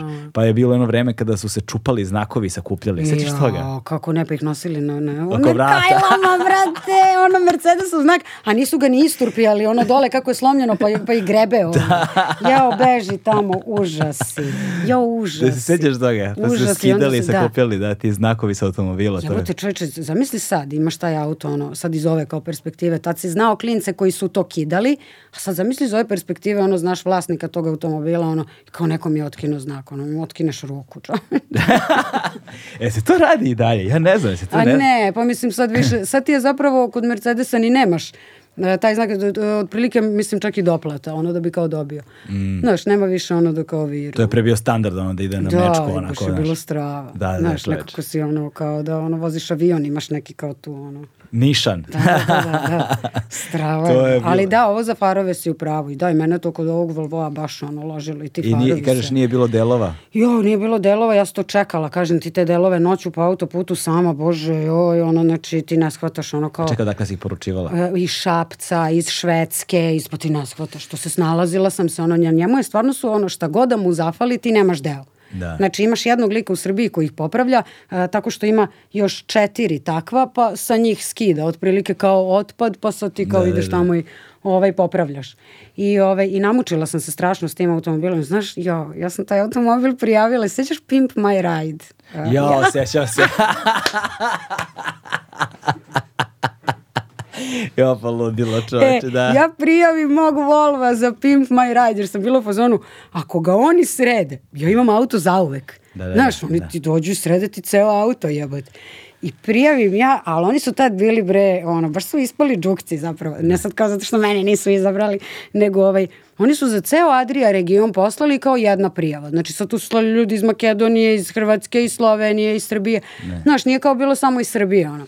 Ja sam poslala iz Srbije, bilo u fazonu, znači ili će mene ili će nikog. I oni izaberu nekog, da li bio Slovenac i nešto, jo, ja sam smorila kao pas. Da, da, da. A baš sam zamišljala da će da mi pimpuju e, a, raj. Da ali ono... dobro je sad, evo, relativno skoro, kad kažem relativno skoro, na primjer u posljednje dve, tri, četiri godine, na primjer, mm -hmm. sam čitao neki članak koji je bio kao Pimp My Rides, ne znam koliko godina kasnije, da. su zapravo ljudi, ovaj, kao follow up je bio ljudima I? kojima su buđili te automobile. I oni su ih valjda prodali? Ne, ne da su ih prodali, nego zapravo mm. da je to sve bilo setapovano za TV show i da zapravo je sve to bilo nek, ono užasno loš kvalitet i da su svi ti automobili... Zato me nisu ni izabrali. Da, i da su svi ti automobili propadali, uništavali se, znaš, da su kvarovi bili neki nenormalni, da, znaš, ono, voze auto sedam dana i više nikad i onda provede više u servisu nego ne znam šta Sad, sad ja malo na pamet kapira, pričam, vera, verovatno pravim neke kat, krat, katastrofalne greške, ali koga zanima možda Bilo je verovatno za show u tom smislu. Za show da. su pravili, nisu pravili da to traje Stvarno, i ne znam da, šta da. i onda su radili follow up, neko je napravio neki članak follow up s tim ljudima koji su, mm. kojima da, su da, da, da, vozila. Eto viš, dobro se setio taj neko. da, da, da dobro, pri, dobro dobra fora, da. Strava. Da. E pa dobro, u svakom slučaju sad da, da, bila, imala bi dobru priču da, da su ga oni sredili, u svakom slučaju možda i ova priča nije loša, jer ovaj, kako sam ja prodala taj auto, e, ovaj, krenu tako da se ono dešavaju kvarovi, kvarovi, kvarovi, više auto stoji nego što ga vozim. I krenula ja kod majstora, bio negde u Batajnici, nekog sam našla za nešto i meni auto usput ono prokuvava, curi voda, ja dolivam vodu, vozim 100 metara, on ponovo, znači pukle neke posude i sve. I meni dođe do ovde. Da. Znači ja ga parkiram na putu, kako sam ušla u Batajnicu, parkiram ga pored puta, tatka mi živi u Bataji, odem kod nje, iskucam na kompu, ištampam na prodaju, zalepim na auto. Brate. Da, da, da. Znači ostavim ga onako mučenog pored puta na prodaju i prodam ga fazom jako brzo liku koji ima isti koji ga je kupio za delove. to, I kao, brate, ja misli taj auto, treba mi za delove i ko strava. Ono. Nesrećnik, Ove, da, ovaj, da. Da, ja ono, ne znam šta sam samo uzela iz toga automobila, alpine, ozvučenje, to sam imala. Neke papučice sam ja tu buđila, nešto je bilo presmešno. U svakom slučaju i taj auto me naučio ono, svačemu što se tiče mm. održavanja automobila i ovaj, Ja se opasno ložim na mehaniku i na popravljanje. Ja sam, pa video si ne. po mom Instagramu, ono, ja ne. kačem kad popravljam. Radi mali servis na mom puntu kog sam prodala skoro. Sad Škoda dolazi, ovaj, Škoda Octavia RS, molim vas, da ne. da neko ne razume kao ono kao vidi vozi Škodu. Posebnu Škodu, brzi karavan, brzi karavani su moja ljubav. Ovaj, ja gledam moju Škodu Octavia RS karavan kao, znaš za Audi RS6. Da, znam. Naravno. E, pa možeš kao da je Baby RS6, A, to je okay. taj fazon. To je taj fazon, da, da. Doći će nekad. Zapravo bi ti, doći će nekad, ono. Zapravo bi trebalo, eh, pošto ja na netu volim da gledam, na YouTube volim da gledam ovog lika, pominjao sam ti ga, da, ovog Doug Dimura. Znaš, Aha, da. da. Je, jedan od likova koje pratim, i on mi je onako drag da što je pravi, pra, pravi je štreber. Znaš. Jeste, strava su podaci, su strava. Strava su podaci, da, e, njega bi trebalo da pratiš, zato što on je isto veliki zaljubljenik u brze karavane. A pa vidiš, pa zato što je čovjek ono, znalac, razumeš, znači, to brzi, samo znalci mogu da vole brze pa krvane. Ne, veliki ljubitelj znaš, on, brzih karavana, da. kad ti neko da. kaže, ja, kao paprika, a lubeničar, mm. okej, okay, da, dobro, ljudi, samo mislim, što su njegovi budžeti, ne živimo više, ono, da, u Samo što on zarađuje od YouTube-a tako debelo da on kupuje ozbiljne brze karavane, u smislu, ono, naš, ono, da, Mercedesove, ne znam, mislim da mu je neki Mercedesov najdraži. Nisam siguran. Koji? Nemam pojma. Sad nemoj mene da pit, ne mogu napamet da se setim, ali pa, mogu da pa, proguglam pa da. pa da ti nađem, znaš da. kao. Mercedesov karavan, brzi karavan, dobro imaju oni dobre brze karavane, ali Audi ja, e, RS6 je baš specijalno. Sad kad me teraš da potražimo je ovako, no, Aha. Imaju, imaju, imaju oni one shooting brekove njihove koji su baš strava, mislim i ove AMG-ove i svašta nešto tu ima ono. A da je mm. dobro. Sad ću ti reći. Ali ne, RS6 je nekako... Pa ne, kako oni kažu karavan, kako oni kažu karavan na engleskom? Pa imaš te uh, zato, the, the e, vegan, station da, da, vegan. Da, da, da, da, vegan, zato što kad kažeš karavan onda on ubacuje ne, ove... Ne, ne, ne, ne, onda će ti ubaciti ove kampere. Evo ti, evo ti, znači prvi mu je bio uh, AMG... Znala sam, AMG pa AMG da, E63. E, pa to, da, dobro. S. A. AMG E63S. Da, Ima da, AMG E63, AMG E63S da kao, kako ga on zove, the ultimate family car. Aha, aha. A yes. da, ono, za porodicu reši Znaš, sve. Znaš, kao čoveče, bukvalno ti si rešio sve, možda ga istaraš na stazu. Da. Znači, imam auto za pijacu, za lubenicu i za paprike, ne. imam auto da te preselim ako ti treba, ako smo ortaci, razumeš, zoveš mene za selitbu, I imam auto, brate, ako se vozim Nemačkoj, ono, da skrenem na stazu i da ga pokidam, ono. Da, da, da. Ok, da. kupit ću nove gume, ali brate, ono, imam auto za stazu da, i za da. pijacu strava. Da, samo to ide i uz dobru cenu. Jo, ide, da. E, u svakom slučaju, Škoda moja, znaš, da. Oktavija RS Caravan je negde ono tu, ono, ne, ide i ono i na stazi ide strava. Da. I selila sam koga hoćeš, ono. To, to. I udobno za putovanje, ma sve. Tako da da, brzi karavani su strava. Da, Šta to, smo pričali nema, pre ovoga, nema, imala sam vratit negde. Vratit se, da- ne, pričala si o Volvo kog si prodala, onda ja liku, liku za delove. I Kako te on naučio svemu i svačemu takođe. Nije, krenula sam priča što se ložim na mehaniku. A ne, mek, pa tako te krenula ja, se na e, mehaniku. E, da, da, i da. zapravo ono kao da, da, ja tu sad popravljala svoja, radila mali servis na svom Fiat Grande Puntu, e, radit ću mali servis sad i na Škodi, jer izašla iz garancije, pa je napokon, mo, znaš ono, sad mogu. Da. No, no, dok je auto u garanciji, ne možeš ništa jer ne želiš da izgubiš garanciju Japancima. Samo Da. Ovaj, ja, mi, mi isto sad razmišljamo kao kupovini kola novih, mm -hmm. znaš. I, ovaj, I sad zatičem sebe u jednom sasvim drugačijem životnom dobu, uh -huh. ovaj, kada kao prvi put pri, razmišljam o kupovini kola i sad prvi put u životu, pošto poslednji auto koji sam kupio, kupio sam jel te nov auto pre mm -hmm. ono, 5-6 godina i sad mi je vreme polako za nov auto i ovaj i, ra i prvi put kao razmišljamo o stavkama koje su im važne za auto i odjednom prtljažni prostor pa dobija na značaju Aha. eksponencijalno ono, u da, da. odnosu da. na pre šest Aha. godina. Da, kao. Da, znači, prva... Da si mogao ono da voziš i kupea, kao šta će mi zadnja vrata, šta će mi vrata pozadi, kao tu sam ja i ono žena. Ko treba da uđe, kao pomerit ćemo prednje sedište, da.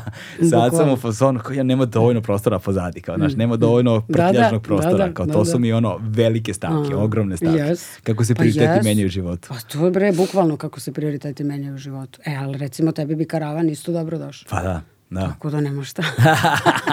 Imaš daš koji je lep karavan, prelepa ti je Mazda 6 karavan je prelepa. Da, a? Ona ti je baš lepa. Da. I vozi se jako dobro.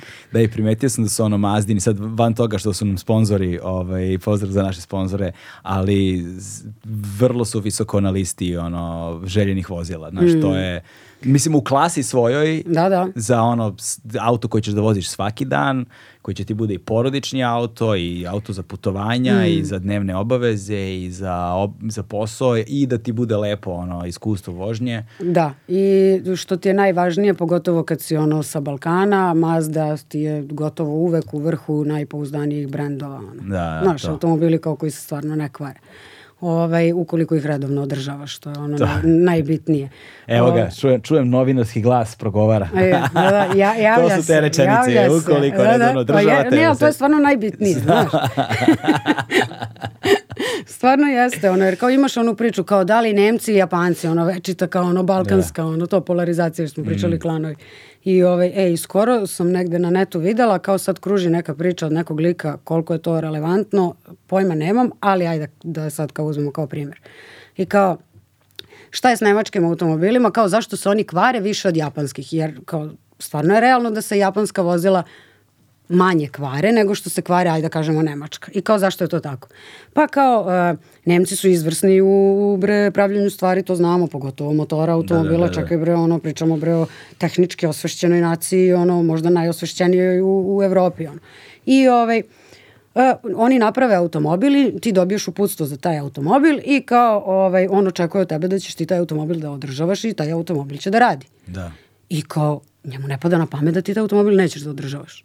Znaš, kao da. na Balkanu, znaš ti koliko se ne održavaju automobili. I onda kao riknjavaju. E kao, a Japanci imaju kao drugi pristup.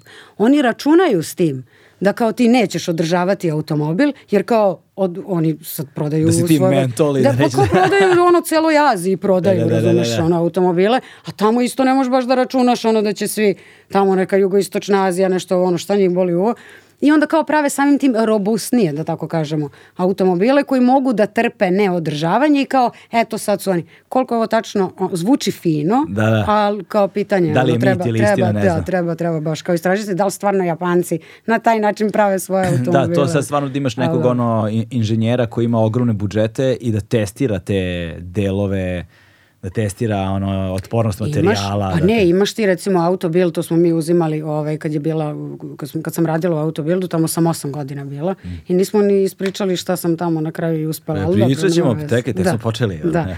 Ovaj, e, imaš autobild e, test posle 100.000 km, oni uzmu i rastave automobil. Mm Koji je kod njih, znači sad recimo uzeli smo Mazdu 6, ajde sad držimo se Mazde, uzeli smo Mazdu 6 na test, nova stigla i vozimo je ti i ja u redakciji, vozimo je dok ne pređe 100 100.000 km. Ti, ja i još cela redakcija. Što više ljudi je vozi, super. Da, Znaš, da. kao neko ono bude, nek se što više eksploatiš. najbolji auto, službeni auto, pa, da ga pa, svi ono, akaju. Svak, svi, svi ga akaju, aj stvar, super, al, ajde da ga vidimo al, onda. Znaš šta, ali to je dobro što taj znaš da su, da su stvarno akali. Da, da taj niko nije, nikoga yes. nije bilo briga, nikoga nije da. duša da. bolela šta mu radiš. to je užas. Jeste, znaš, ali dobro. to je stvarno užas. Ali za testiranje je odlično. Da, da, ja ne mogu tako. Znači, ja više brinem o tom automobilu, mislim, ali dobro, aj sad to ono, To si ti, Verovatno, ti si tu da, specifična. Da, ima, da. ima, ima veze sa mnom. I, ovaj... Veruj mi, izvini, ja znam ljude koji, ono, zato što je službeni, znam, kaže vidi sad gore. ovo, znaš. A ne mogu, ja volim automobile. Pa onda koče motorom samo, znaš, i šeste u treću. Znaš.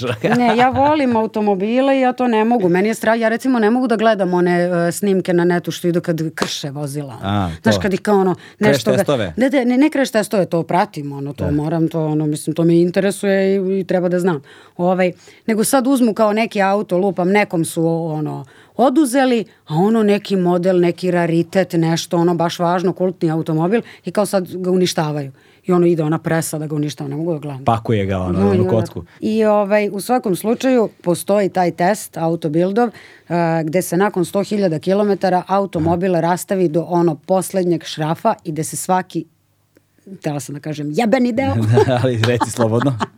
I gde se ono najsitniji deo proverava. Znači šta se tu Aha. ono pohabalo, do koje mere i u, samim tim ti saznaš koliko je kvalitetno napravljen taj automobil. I, o, I to je fenomenalno, znači, znaš ti kako se to radi? Uh, oni bukvalno ceo automobil rastave i onda ga slože u jednoj ogromnoj hali na ono beloj pozadini, znači ti imaš ceo automobil složen, ono od šrafčića, sedišta, auspuha, ovog filtera, onog filtera, motor, sve klipovi, r, r, sve je složeno ono do karoserije. Ra. Sve je izvaj, rastavljeno. Na sastavne i svaki, delove. Tako je, i svaki od tih delova je stručni tim, oni su, sarađuju sa Dekrom. Uh, e, proveri, Šta je Dekra? Uh, to je to njihovo telo za proveru proveru ispravnosti raznih stvari, ono možda sam sad nešto ono zaboravila da kažem bitno veze njih, ali ra ne. rade te stvari. Ovaj ispituju vozila, ono i njihove delove. I ovaj, u svakom slučaju, uh, svaki deo se proveri do koje mere je pohaban i ti sad onda znaš da li je taj automobil kvalitetan, gde, koje su mu mane, koje su mu vrline, šta se pokazalo dobro, šta ne. Tako da, ovaj, E, postoje ti, ti testovi, tako da ti možeš da znaš. Čak se sada, danas se i kao povećalo, to više se ne radi na 100.000 km nego na 150.000 km, mm. jer se kao računa da su automobili malo napredniji nego što su bili ovaj, ranije i ljudi stvarno ono prelaze i veće kilometraže i ovaj, ono. Da, neverovatno, a vidiš čoveče, zamisli, e, sad, e sada, kada, se, sada se vratimo na ovu novinarsku priču. Mm -hmm. To je ono što je negde boljka uh, ovog društva danas. Kad mm -hmm. kažem ovog društva ne mislim konkretno samo na srpsko društvo, mislim na manje više celokupan zapadni Balkan. Mm -hmm. Ove, ovaj, i sve naše, pre svega, prevashodno bivše republike. Budžeti su nam katastrofalni, principi kojim, po kojima se novinarstvo mhm. radi je, mislim, to uopšte ne možemo, treba nađemo novu reč, jer to nije mm, novinarstvo, prosto da, nije novinarstvo i time što to zahteva nazivamo... Zahteva novu reč. Jer to što, time, što, to što te, to, mm. te stvari nazivamo novinarstvom i te ljude nazivamo novinarima, mm. samo škodimo novinarskoj profesiji, mm. jer oni nisu novinari mm. i principi rada to nisu medijske kuće. Da, da, užas. Znači, to nisu medijske kuće, to su ono, žive za native advertising, ono, to nije novinarstvo. U svakom slučaju, uh, Ovaj, ali poenta je da nama tržišno nedostaje takav sadržaj. Mm -hmm. A mhm. takav sadržaj je užasno skup. Mm. Znaš, ko, koliko košta da ti uzmeš sad jedan auto, da ga rastaviš tako na delove mm. i da ljudi testiraju sve te delove i da se izvede iz toga istraživanje i zaključak i da se sve te brojke stave Košta, u kontekst. Da, da.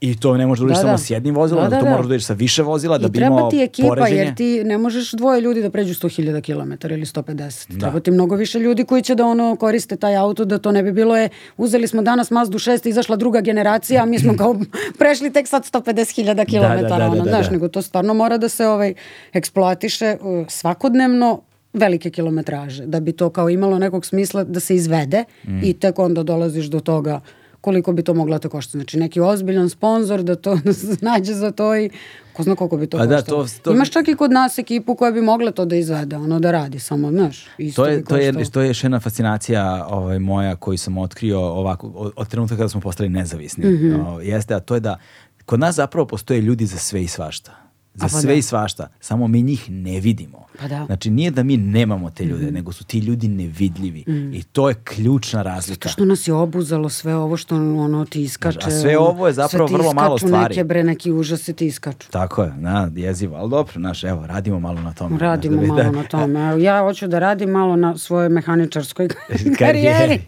pa eto, znaš. Da ne, ali znaš što je fora, stvarno, znači koliko to mene loži, ono, znači ja kad uđem u garažu, ja kad osetim mir iz garaže, meni je to, ma ja tebi ne mogu da opišem kako se ja dobro osjećam.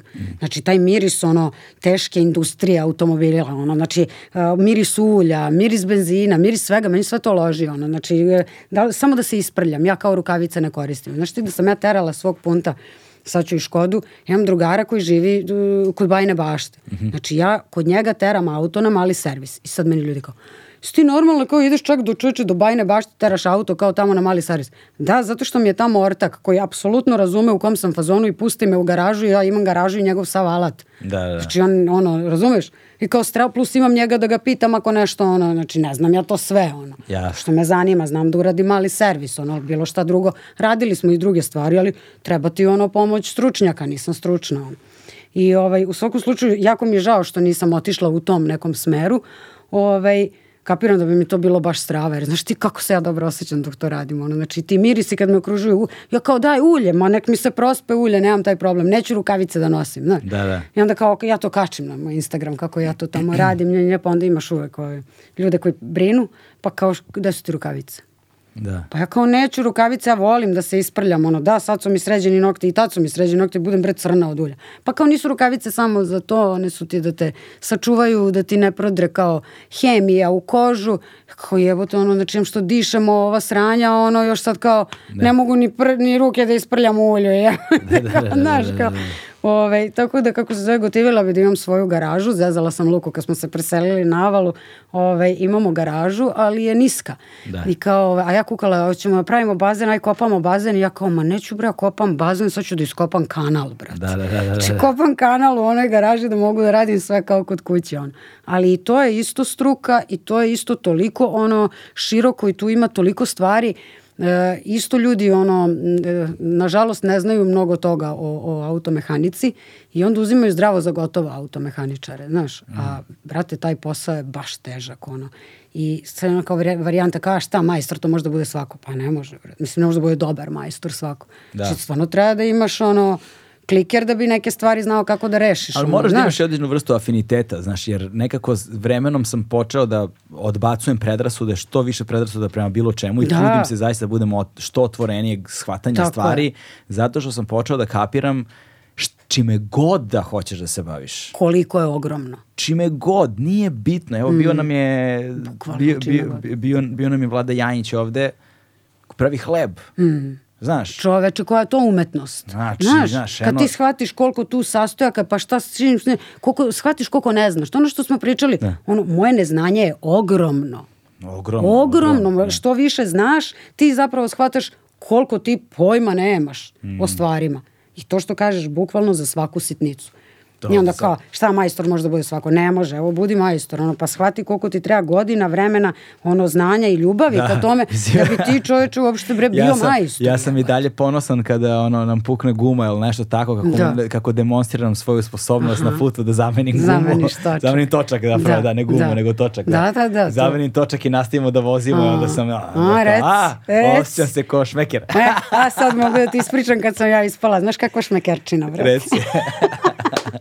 Idemo mi na more, fazon, ono, prva godina faksa. Aha. I odemo Luka, ja i još dva ortaka na more, negde u Crnogoru.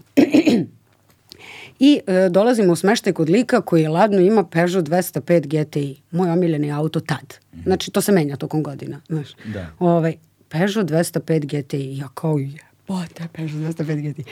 I ovaj, ništa, krenem ja tu njega smaram, razumeš, i lik vidi da sam ja ono baš zaljubljenik. I kažem, meni, evo ti ključe, vidi, vozi auto. Ja oh, vozim auto, čuče, probam GTI-a, prvi da, da put da, da. u životu, razumeš, znam sve o tom automobilu, nikad ga nisam vozila. Ono. Ove, mislim, tad se stvarno nisam bavila ovim poslom, ono, da. samo ono na nivou mog ličnog mhm. interesovanja i loženja. I dobijemo mi ključeve i kao strava idemo kao on izađite kao večeras šta i kao to je to. I ovaj, kako se zove, sednem ja u auto, sedne Luka pored mene i dva ortaka iza.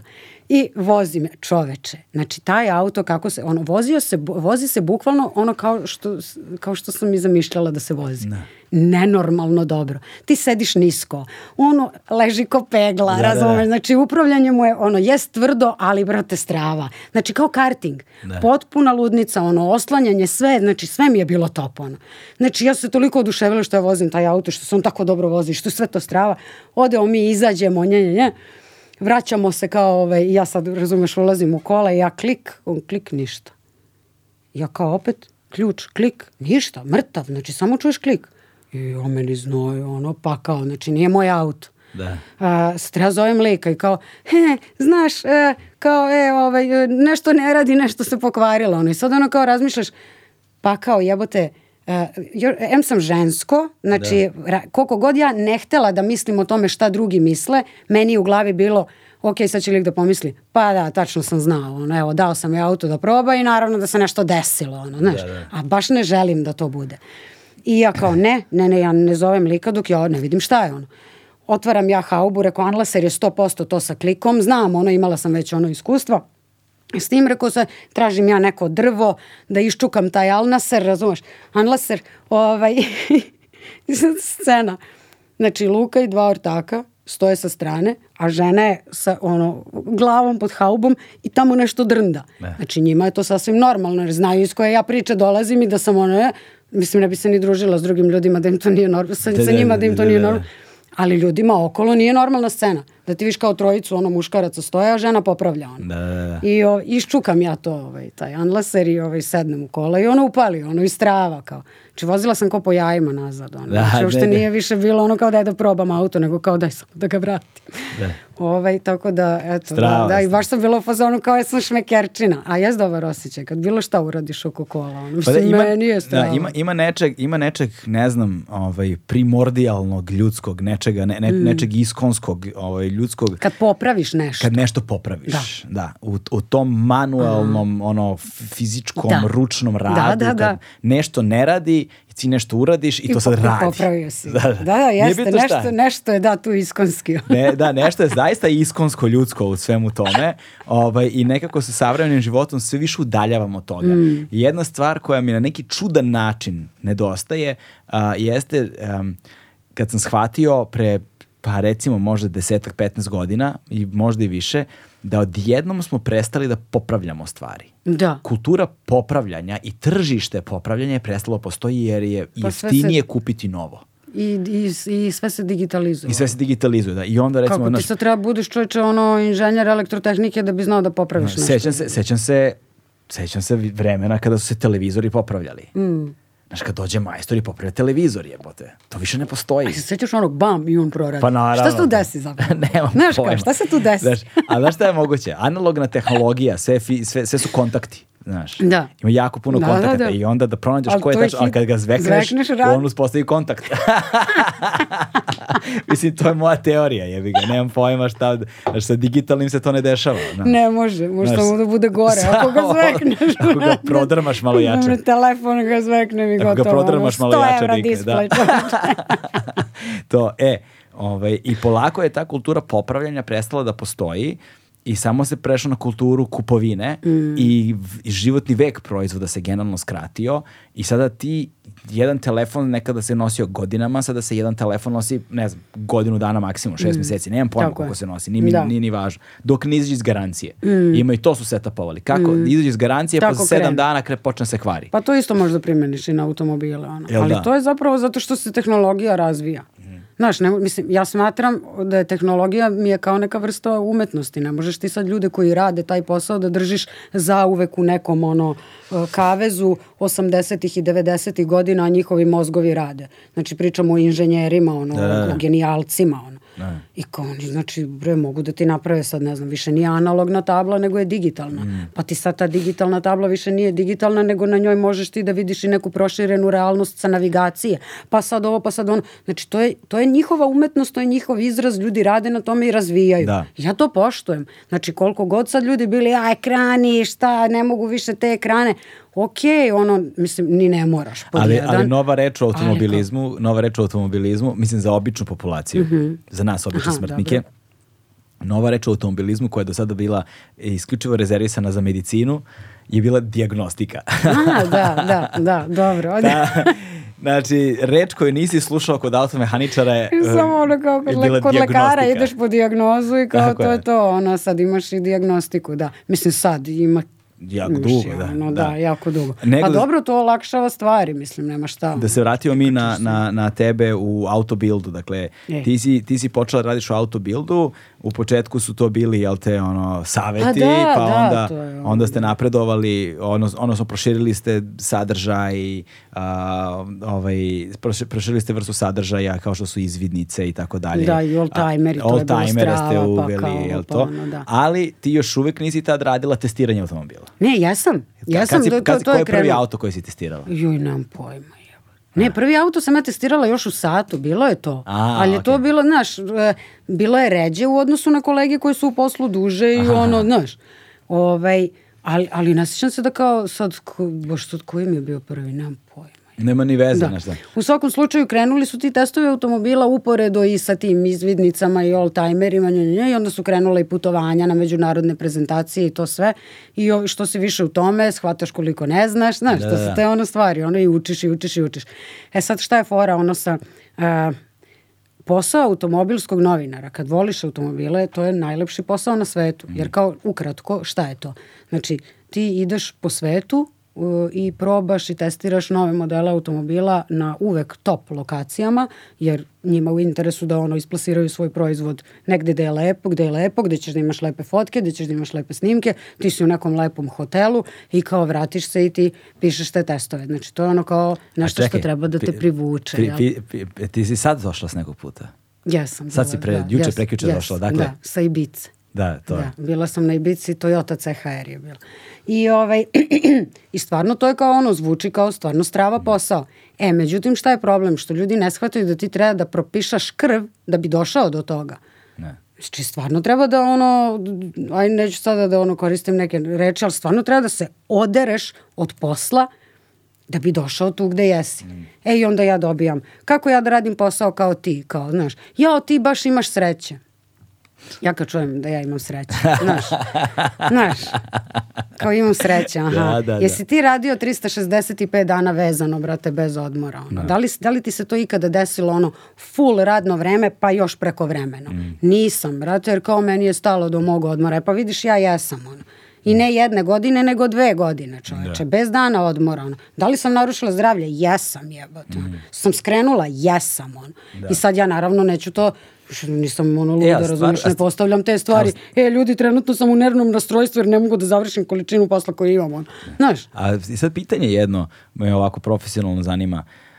Koliko su uh, proizvođači automobila ili agencije koji ih promovišu ili kogoda da je zadužen za, mm -hmm. za, sve, za te testove otvoreni prema tome naravno ili i kao da ti pišeš iskreno o tom automobilu. Ako je nešto sranje, da napišeš da je ovo sranje. Pa okej, okay, mi to, mislim, ti se izboriš da to njima bude okej, okay, jer ti da. se boriš za svoju relevantnost. Jer da. ako je sada meni, ne, ne znam... Mene samo zanima ta vrsta, znaš, koliko je prisutna ta vrsta objektivnosti U, u pravim u, u... medijima jeste. Pa, e, pa e, to, e, a pa. sad to je ono što si pričao. Jako je malo specijalizovanih automobilskih novinara koji ono, se jako ih je malo u Srbiji, mm. u odnosu na ogroman broj nekih drugih koji se pojavljuju tamo ili ovamo, koji nisu stručnjaci, mm. nego kao eto sada, neko im je sponzor i oni će da pričaju sve najlepše o, o tom, ali mislim njima to nije ni u interesu da pričaju loše, izgubit će sponzora, niti se time ozbiljno bave. Ali kad se ozbiljno baviš time, sasvim je normalno da, ne znam, Renault, Mercedes, BMW očekuje da ćeš ti reći pravo stanje stvari, ne da. sada da ih ono upropastiš, ono, jer ne znam ono zbog čega, ali da kažeš to na pravi način. Mm. Mislim, to se isto uči ono, godinama tokom ovog posla. Znaš, neću ja sad da uđem. To sad ljudi rade zbog ono, i klikova i zbog svega, pa sad kao nemam pojma. E, gle na šta liči ovaj ekran, vidite šta smo pronašli na ovom automobilu, ovo je krš i onda sad svi hoće da vide što gore, to više pregleda. Sad svi to hoće da vide, znaš. Mora e, to, to je još, e, da. tu, mora da se priđe sa više strana. Zašto je to tako kak, i na koji način ćeš ti to da kažeš? Znači, nećeš reći ono, ovo je sranje, ono, nego ono, ovo je lošije kvaliteta i ti si ta osoba dovoljno relevantna koja će da skrene pažnju Mercedesu ili ne znam kome, sad ono, stvarno uzimamo da. ono nasumično ovaj, brendove, ovaj, da možda u sledećoj, da pri redizajnu ili pri sledećoj generaciji ako ide, uzme u obzir to što ne valja i što je više novinara iz sveta primetilo i skrenulo pažnju na to. Mm. Znači tome između ostalog služe i automobilski novinari. Koliko je da realan taj, koliko je realan taj feedback da ako, ukoliko novinari e pa, pišu o nekoj, nekom problemu da zaista u sledećoj generaciji taj problem adresiraju Nije, zahvaljujući realan. tome što su novinari pisali. Tako je, dešavalo se to. Dešava se, da. dešavalo da. se, da, da, da su ljudi žalili ono, ne samo novinari, oni uzimaju feedback i od svojih kupaca. Ono. Jasno, da. Ovaj, a opet novinari razmišljaju i o kupcima. Ja kad pišem pišem test automobila, ja ne pišem o tome šta ja mislim o njemu, ja pišem kako je on meni bio u vožnji, ali ja takođe uzimam u obzir i druge ljude. Pod jedan, ja imam bre 1,60 Mm. Znači, ako je meni to sedište udobno, hoće to sedište biti udobno liku koji je 2,10. Da, da, da. Znači, ja to moram da uzmem u obzir. I onda ja ne mogu da kažem, e, meni je ovo sedište, su mi bila strava, tačka. Da. Nisu mi bila strava, ono, sedišta odgovaraju nižim osobama i onda uzmem kolegu koji je visok i kažem, sedi. To radim. Da. Sedi nazad da vidim koliko ima mesta, jer ja, kad, ja svuda ima mesta, da, da, da, znači, da, da. meni gde god, ono, ja svuda ima mesta. Ja onda s kolegom koji me snima, kažem, sedi nazad, onda vidim koliko on ima mesta i kažem. Da. Odgovara za prosečnu visinu, nadprosečno visoki ono, putnici ili vozači, imaće problem za glave, imaće problem za kolena, kažem te stvari, znaš. Mm. Nije to, mislim, to je normalno, ne možeš da ne kažeš ako nešto stvarno ne valja ili ako je nešto mana.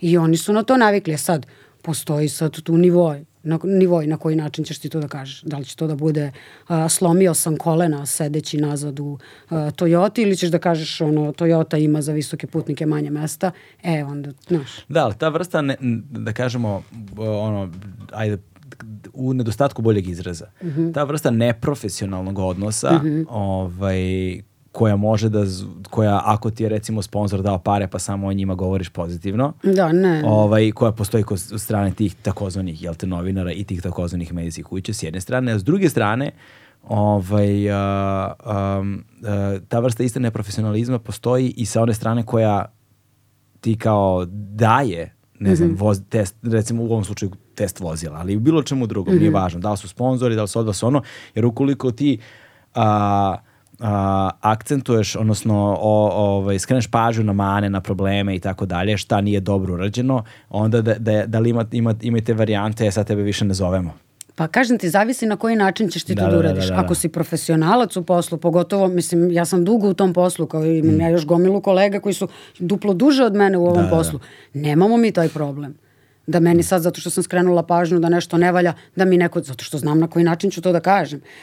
ne, ne pakujem ja da. to, nego a, kažem onako kao što je. je a... Ali ima slučajeva gde su se pojavili neki, pa su to popljuvali na način koji je stvarno ono, da. bez veze i njima više nisu davali. E, tebi kod nas daju uvoznici automobila, uvoznici tog brenda, od njih uzimaš da, da, da. automobile da. na test, odnosno oni ti nude kad stigne novi model, evo ti kao zovu te na test, imaš te taj termin da. i to je e, to. Ovaj, a kakva je publika ovaj, kada, je, kada, kada je automobilizam u pitanju? Jer nekako imam utisak sad je to moje laičko mišljenje, ali imam negde utisak da automobili su slično kao i problem sa, ne znam, a, kuvanjem, i problem sa politikom i problem sa tako to je nešto što, gde svi misle da sve znaju. Pa da.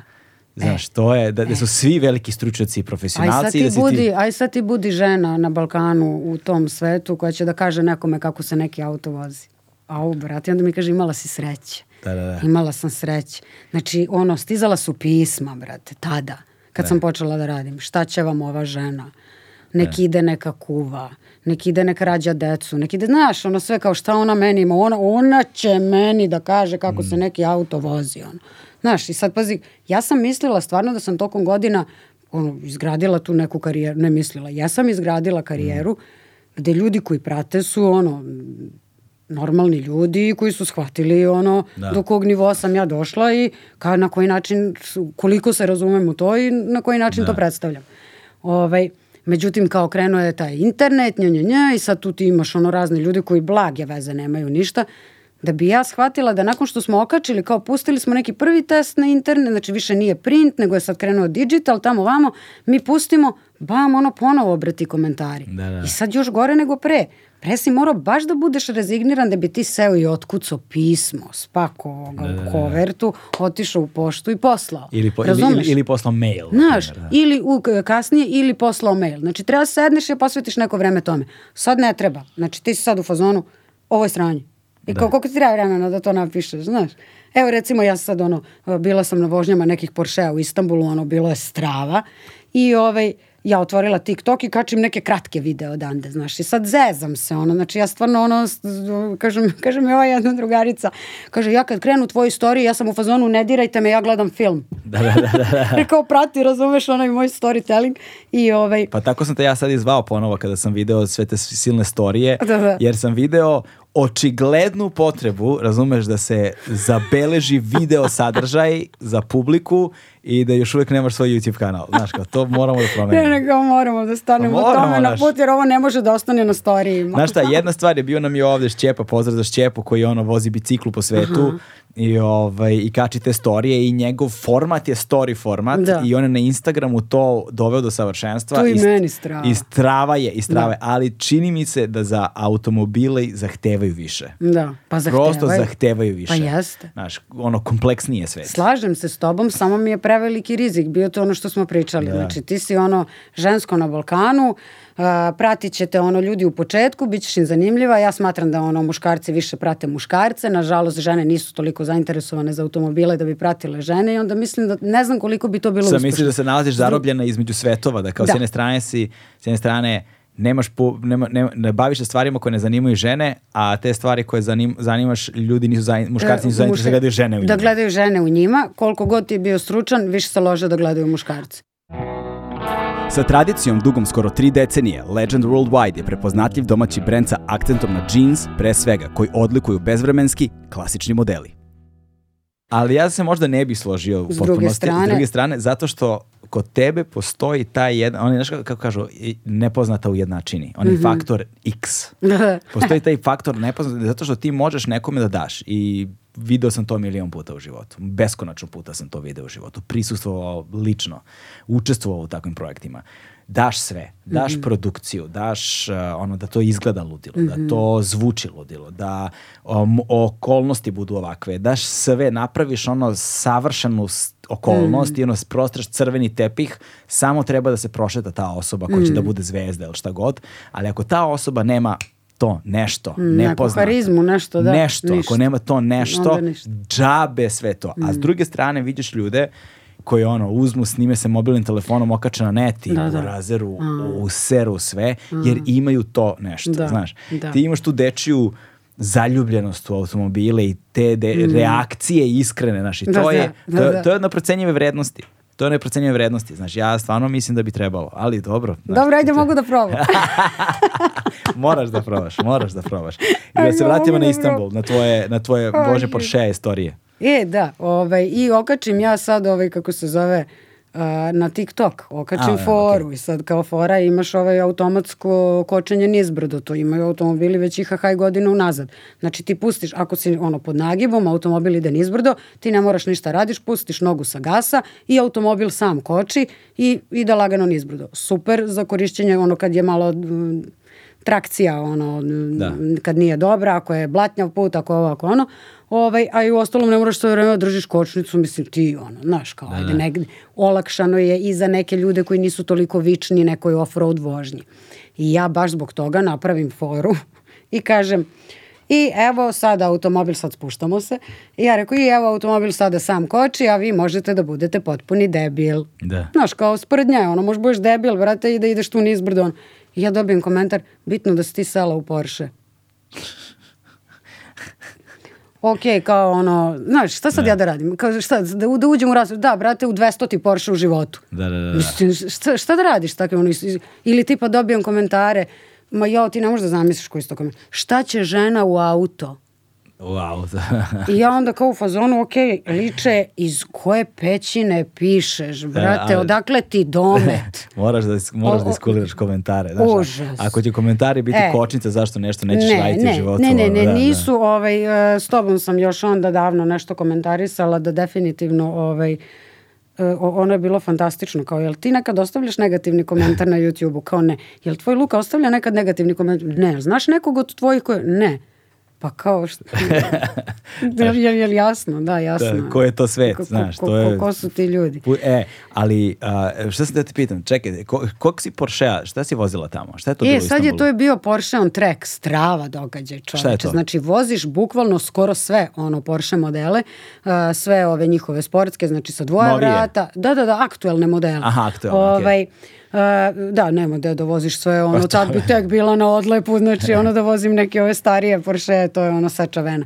Ovaj, e, voziš sve aktuelne modele, voziš ih po stazi ono što je mene tamo oduševilo je e, kako je to organizovano. Znači, aj na stranu što ti tamo imaš i GT3 RS i GT3 Touring i ima, da ti ne pričam ono, o, o, o koji, modelima, koji modeli su sve bili, ovaj, nego ta organizacija. Obično kada su ti tako ono grupni događaji za vožnju po stazi, ti možda zapadneš u grupu gde je ispred tebe neko spor, znaš. Mm -hmm. I ti tu, ono, ga, vaj, neću kažem, izduvaš. da, jas, jas, jasno. znači, ti tu, onako, ne prođeš dobro, pogotovo ako si bolji vozač, hoćeš da ideš brže, ne doživiš automobil na pravi način. E, ovde mi je bilo strava kod njih. Znači, mi smo došli i onda su oni nas svakog po na osob izvezli na stazu, znači imaš instruktora ispred, ti si iza u kolima solo, pičeš za njim i on meri tvoj, odnosno meri, jasno mu je vrlo brzo, koji je tvoj nivo veštine vožnje. I onda te raspoređuje u grupama. Znači, ono, sporaći sa sporaćima, brzi sa brzima jao, imala sam strašnu predrasud, znači, znaš, ka, odvratna sam bila, pazi, ja koja sam ono, nije da se sad ja nešto tu specijalno borim, ali kao, ajde, redke su žene u automobilskom svetu, jel? Da. O, u, pogotovo u automobilskom novinarstvu, a pogotovo i u vožnji, to sve na nivou Koliko sveta. Koliko vas je žena bila tamo?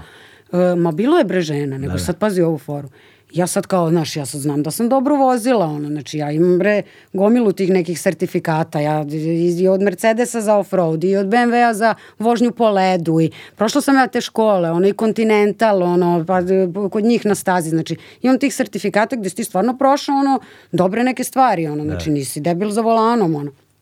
Vozila sam staza i staza, ono. I, ovaj, I sad ja kao strava, dobro sam prošla i mene stave sa ribom jednom. Ja odvratna sam. Ja da. pomislim, oh, nisam vada toliko loša kad sam upala sa ženom da vozim, ne mogu da verujem. Ja rekao, šta su sad svi ovi drugi toliki kidači, kao, da, da, da razumeš? Da, da, Brate, riba. Znači, riba koja rastura. Riba koja je bila, koja je zabeležila najbrže vreme. Ona i ja u kolima, Eh, smo bile najbr naša grupa je bila najbrža, nas dve smo bile najbrže, a ona je bila fazom za ne znam koliko stotinki brža od mene. Da. Znači riba rastura cepa karting svaki vikend. Da, da, znači u da. tom je fazonu mađarica. Baš je rasturila kako je vozila. Tako da ovaj, u svakom slučaju taj, eh, taj nivo, ta, ta vrsta organizacije gde ono će te dopustiti, da će ti napraviti da ti stvarno osjetiš da. sve te Porsche, a da te ne smara neko ko je ono spor ispred tebe, to mi je bilo vrhunski. Onda sam i za to napravila sprdnju, kao ja idem iza instruktora i u fazonu sam smorila sam se, spor mi instruktor. da. A zezala sam e, se, ne može to... mi bude spor, živi na toj stazi, razumeš, ono, tako da ono, to vozi isk... svakako bolje. Iskustvo brze vožnje uh, na uh, ozbiljnog automobila, Da, na, je... na, na nekadašnjoj F1 stazi koja je ono... Ne, ne, ne, ne u ovom, ne to, nego hoću da kažem nešto drugo. Dakle, um, kao, ok, imaš neku predstavu o automobilima u životu. Da, da. Kao, ok, ovo su, gledaš automobile svaki dan, ovo su automobili, ovako se voze automobili. Položiš vožnju, ono, voziš, mm -hmm. ne mhm. znam, ono, decu u vrtić, znaš, mm -hmm. šta mhm. god, znaš, ideš na posao, mm -hmm. ideš na putovanja, eventualno, znaš, ponekad u životu, eto, ja šta volim kad odem negde u inostranstvo, volim u rentakaru da uzmem neki auto, znaš, mhm. kao... Neki koji ti se kao baš vozi. Ne, neki koji mi se baš vozi, a, a koji ne mogu da priuštim da, sebi da, da, da kupim, Strava. pa eto, sedam dana ću da vozim neki auto, znaš, i onda Ovaj, ali sad po Evropskoj uniji to sve ne možeš ni da voziš nigde onako kako bi vozio. Da. I onda ne možeš ti zapravo ni da iskusiš taj auto osim komfora i tih stvari na neki način. I zapravo je ekstremno redka prilika kad ti možeš da uzmeš neki ozbiljan auto i da mu ozbiljno daš gas, ono da kao, znaš... Samo na stazi. Znaš, de.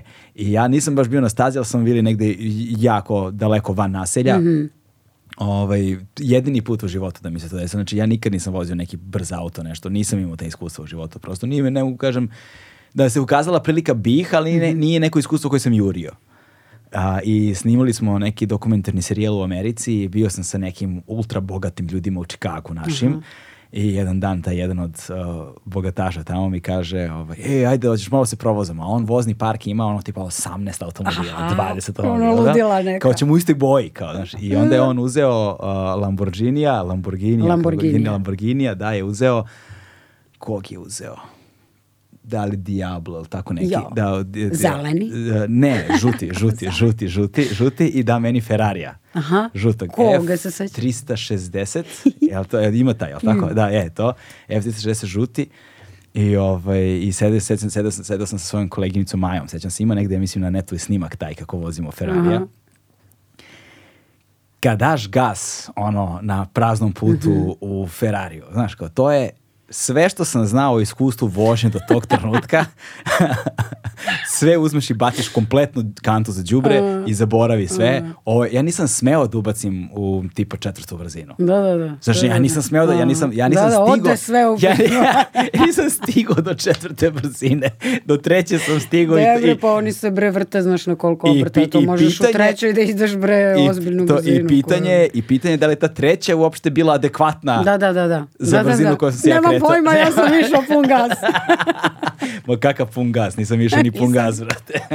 nisam išao ni pun gas. To potpuno, mm. potpuno nadrealno iskustvo da. zapravo. Da. E, a ima sad u novim automobilima, mislim sad, ima i odavno, ali ajde sad, bilo i na ovom Porsche događaju, između ostalog, osim te vožnje po stazi, ti imaš vožnju sada neke slalome, pa imaš ta e, neka ubrzanja, pa i te off-road vožnje i ne znam ni ja. E, imaš sad taj kao launch control, to je ludnica. Znači, to je, to je kad ti zapravo držiš, pošto su automatici u pitanju, držiš levu nogu na kočnici, mhm. a desnu nogu, znači držiš kočnicu sve vreme, a desnu nogu držiš pun gas. Mm -hmm. I on ga nabija u obrta, je nenormalno, ti si tamo kliknuo da ti ono, tu opciju launch control i ti samo pustiš ovu levu nogu sa kočnice, ti ne shvataš. I lansira znači, se automobil. Ono, se lansira. Znači, ra, ono, raketa. Raketa, to nisu normalne ubrzanja, ti automobili bre idu ono 2, nešto sekundi bre do 100 čoveče. Znači što ti je fš, e, taj to zvuk sa, i e, sve. E, da, dakle, ova moja priča moja, moja glupa pričica je zapravo bila ono foršpan, jel te, mm -hmm. za, za, za tvoje iskustvo vožnje na, toj na tim stazama. Mm -hmm. Znači sad, to moje iskustvo ne, ne mogu ni da zamislim sad kako bi se preslikalo mm -hmm. da sam ja u nekim kontrolisanim uslovima gde mogu takvu vrstu automobila da vozim na F1 stazi. Da, pa kad prvi put voziš na stazi zapravo ako si normalan lik bit će ti pakao. Znaš, mislim, zato što ćeš uh, e, želiti sve vreme ti ono da slušaš instruktora i da ga pratiš i da radiš stvari kako treba da ih radiš, ne bi li izvukao maksimum iz te tvoje vožnje na stazi. I, ovaj, i za to stvarno treba nekako da imaš ono sve kompletno. Ono. Uh, u smislu psihičkog, ono, i naravno fizičkog, fizičkog stanja, ne možeš budeš baš neki lik koji, ono, nema pojma gde je levo. Ono. Da, da. Ovaj, tako da, mislim, meni je to, ono, ja se to godinama se negde uči, znaš, prvi put na stazi je meni bilo, ono, ja bukvalno mogu da kažem, ono, odvratno. Mm. Jer sam bila kao jebote, pa, pa ne mogu, pa čekaj, pa stani, pa ovo, pa ono. Znači nema šta je kao, e, kao sad sam ja došla dan i kao, e, vozila sam na stazi, pokidala sam. Da. Nisam, brate, nemam pojma. Znači, shvatila sam koliko ne znam. E, i onda ti tu ideš i budiš se, budiš se, ideš na sto staza, na sto putovanja, sa sto instruktora, pa ti naučiš pod jedan kako se sedi. Znači, učiš kako se sedi, ono, znači, kako se drži volan. I to sam imala komentar. Kaže, vidi ova kako drži volan. Čoveče, držim volan onako kao što su mi rekli tipa profesionalni trkači, instruktori ono, sportske vožnje, tokom godina unazad, ono, znači tako se drži volan kad si na stazi. Znači da, ne da. držiš ga ono kako ti misliš da treba kako ti sediš, znaš kako sede realisti. Znači oni da. sede bukvalno ovako, njima bre volan ovde. Či znači, koji je fazon da ti moraš bre, o, da, da, da, moraš bre da manevrišeš. Pod uglom ono 45 stepeni. Znači, da. ti moraš da manevrišeš, kolena moraju da ti bude pod uglom određenim da bi bila puna sila kočenja na kočnici, ona, ne sad ti sediš ovako. Da, da, da. Aj sad neka nepredviđena situacija, šta ćeš ti da uradiš, kao ti ćeš da manevrišeš, kako? noge ti ravne, ti ćeš kao da ukočiš odakle iz kuka. Da, da, da. Znaš, kao nema šanse, ono, znači to zna se kako se sedi, zna se kako se drži volana. Da, volan se drži ono 10 i 10. Imaš čak i, čak i bre fazu, znači ne samo ono da li ćeš ga držati tako, ne bili što bolje motao u ono, oštrim krivinama, nego imaš foru zašto se prsti drže na obruču volana, a ne unutra. Mm -hmm. Ok, znači ja ne radim to inače u tokom svakodnevne vožnje. Jer e, airbag ako ti eksplodira, a palčevi su ti u obruču, otkinuće ti palčeve. Da, znači nećeš da. ih imati. A kad su ti ovde, odbiće ti se ruke. Mm. Znaš, i onda kao to je fazon da držiš tako volan. I wow. onda kao vidi, ova ne zna da, ova ne, šta, bitno da je sela u Porsche i da ne zna da drži volan. Da, da, da. Znaš, da. kao da. ono, eto. A jesi vozila Tako, električne automobile? Nešto... Mislim, ove, yes. pre, mislim, ove brže varijante. Su bili, yes, električno vo, da, da, da, da, pa Porsche Taycan. Ja, pa to je ludilo, to sam kačala isto na story. Da. Znaš ti koje je to ubrzanje? Ne znam, to je, e, opiši e, mi. To je, to je potpuno drugačije od e, motora sa unutrašnjim sagorevanjem. Zato što ti kod električnih automobila imaš uh, obrtni moment, ti je maksimalni, dostupan odmah. Znači, kod motora sa unutrašnjim sagorevanjem, tebi je ono, Newton metri, obrtni e, dostupni su ti pri određenim obrtajima. Sad, recimo, neki automobil ima 350 Newton metara pri 2500 obrtaja. Znači, ti treba da dođeš do 2500 obrtaja i tad je ono, obrtni, tad su, kako se zove, Newton metri maksimalno. Šta su Newton metri? zapravo. E, jebemo mater sad to kad bi krenula da ti objašnjavam, vrate, neko bi me verovatno ubio, ono, da, da. znači, kucaj na Google. Dobro, da. okej. U svakom slučaju, znači ti sada kad voziš električni automobil, tebi su e, maksimalni e, newton metri dostupni momentalno, jer je to elektromotor i on ne dostiže obrtaje, nego ti imaš isporuku te ono snage i e, e, obrtnog momenta momentalno. Ne. Newton metri, znači to, to nije normalno. Znači ti pritisneš gas, ti si ono... Šta to radi guma, čoveče, ako iz mesta treba da se kreću tako ono? Pa, otkud znam, dobre su te gume. Onda. Da. A i danas se prave gume i specijalni za električne automobile. Mislim, i zbog težine, i zbog svega. svega da. Ono, da, da. da, i oni su ali, teži ali dosta. Ali definitivno ubrzanje u električnim automobilima ne može da se uporedi uopšte ovaj, sa ubrzanjem u ovim um, automobilima sa konvencionalnim motorima. E, ali opet tu sad imaš, nemaš zvuk jebote. Znači da. ti sad imaš ono, kao ono, ti si sad tu nešto osetio, se ja zezala. Ja kažem, ok, mi ovaj bre Porsche Taycan kako je zabavan, ono, kao eto, 7 dana ja bi ga vratila i uzela GT3 RS-a, GT2 RS-a, da ja slušam onaj zvuk iza glave, da, da, razumeš, da, da, da, da. ona, znači. Da brunda. Dobro, ja to moram da, da čujem, da se ježim i da Da, ali sad to zanima, mislim, sad ti prevaratno trpiš neke gesile. Kad, kad, trpiš gesile, kad, kad, kad, kako i, ne? I kad, i, kad iz mesta tako krećeš, Ovaj... Trpiš gesile na kočenju, na skretanju, na svemu, ono, pa meni je vrat upropašćen, ne znam da li sam ti pričala Nis, za to. Ja imam ne. tri dijagnoze u, u, u vratu. Imam uh, kifozu, uh, diskopatiju i početak spondiloze. Uh, Okay. Znači, pazi, ono, koje tri dijagnoze nisam bre imala pojma, ono, znači ja svašta u životu, ono, probala da radim. Kao vozim board, uh, testiram automobile, vozim po stazama, uh, nešto sam s motorima, uh, jet ski, ono, neki trkački na moru, bam, bam, bam, bam, bam ne da, znam da, šta sam radila. Leđe, znači. Čoveč. I ja sam između ostalog se vozila i u Galebu G2 onaj borbeni avion. Aha. Jo bože, to je posebno iskustvo bilo. I ti tu isto naravno dođeš do određene G sile gde ti on prove proveri ono koliko može da trpiš i onda zna šta s tobom može da radi od onih akrobacija ono da ne provedeš letu Znaš, nesvesti. Tako je, da, da, bukvalno, bukvalno. I sad on je to meni rekao, kaže on, e sad ćemo da proverimo dokle možeš da ideš. E, kaže, silat je zapravo ono pritisak na celo tvoje telo, tvoja težina ti pritiska bukvalno svaki deo tvog tela svuda jednako. Znači kao da se sažimaš jebote. Da, da, ono, da znači, taj, taj, da. pa, da, da, da, ono, da kuda ćeš da ono implodiraš. Ne znam, čudno je. I, ove, ovaj, i, i on meni samo rekao, obavezno moraš da mi kažeš kad ti postane loše, u trenutku kad misliš da više ne možeš da izdržiš, reci, reci mi. I ja kao, ajde, a ja se ložim bre na sve te stvari. Ono. I ja sad kao ti sad osjećaš i stvarno ono kreće, razumeš, pritiskate i mi smo sad ono sad nešto radi, ne znam koji je to manevar, da bi on to proverio i ja u jednom trenutku osjećam ovde mi je zapravo krenulo previše. A temeljno, na glavi, da. Aha. I ja kažem njemu dosta. I on kaže meni, jo, šteta što nisi, kaže, bila pilota, ako ti je ovo prvi put. Ja 4G istrpela za prvi put jer to nešto je kao neverovatno. Da. I, o, e, I onda on znao šta može sa mnom, ono, u vazduhu, tamo, vamo. I u jednom trenutku, što se meni jako svidalo, znaš, radimo neki valjak, radimo nešto. U svakom slučaju, mene tamo nešto vrti.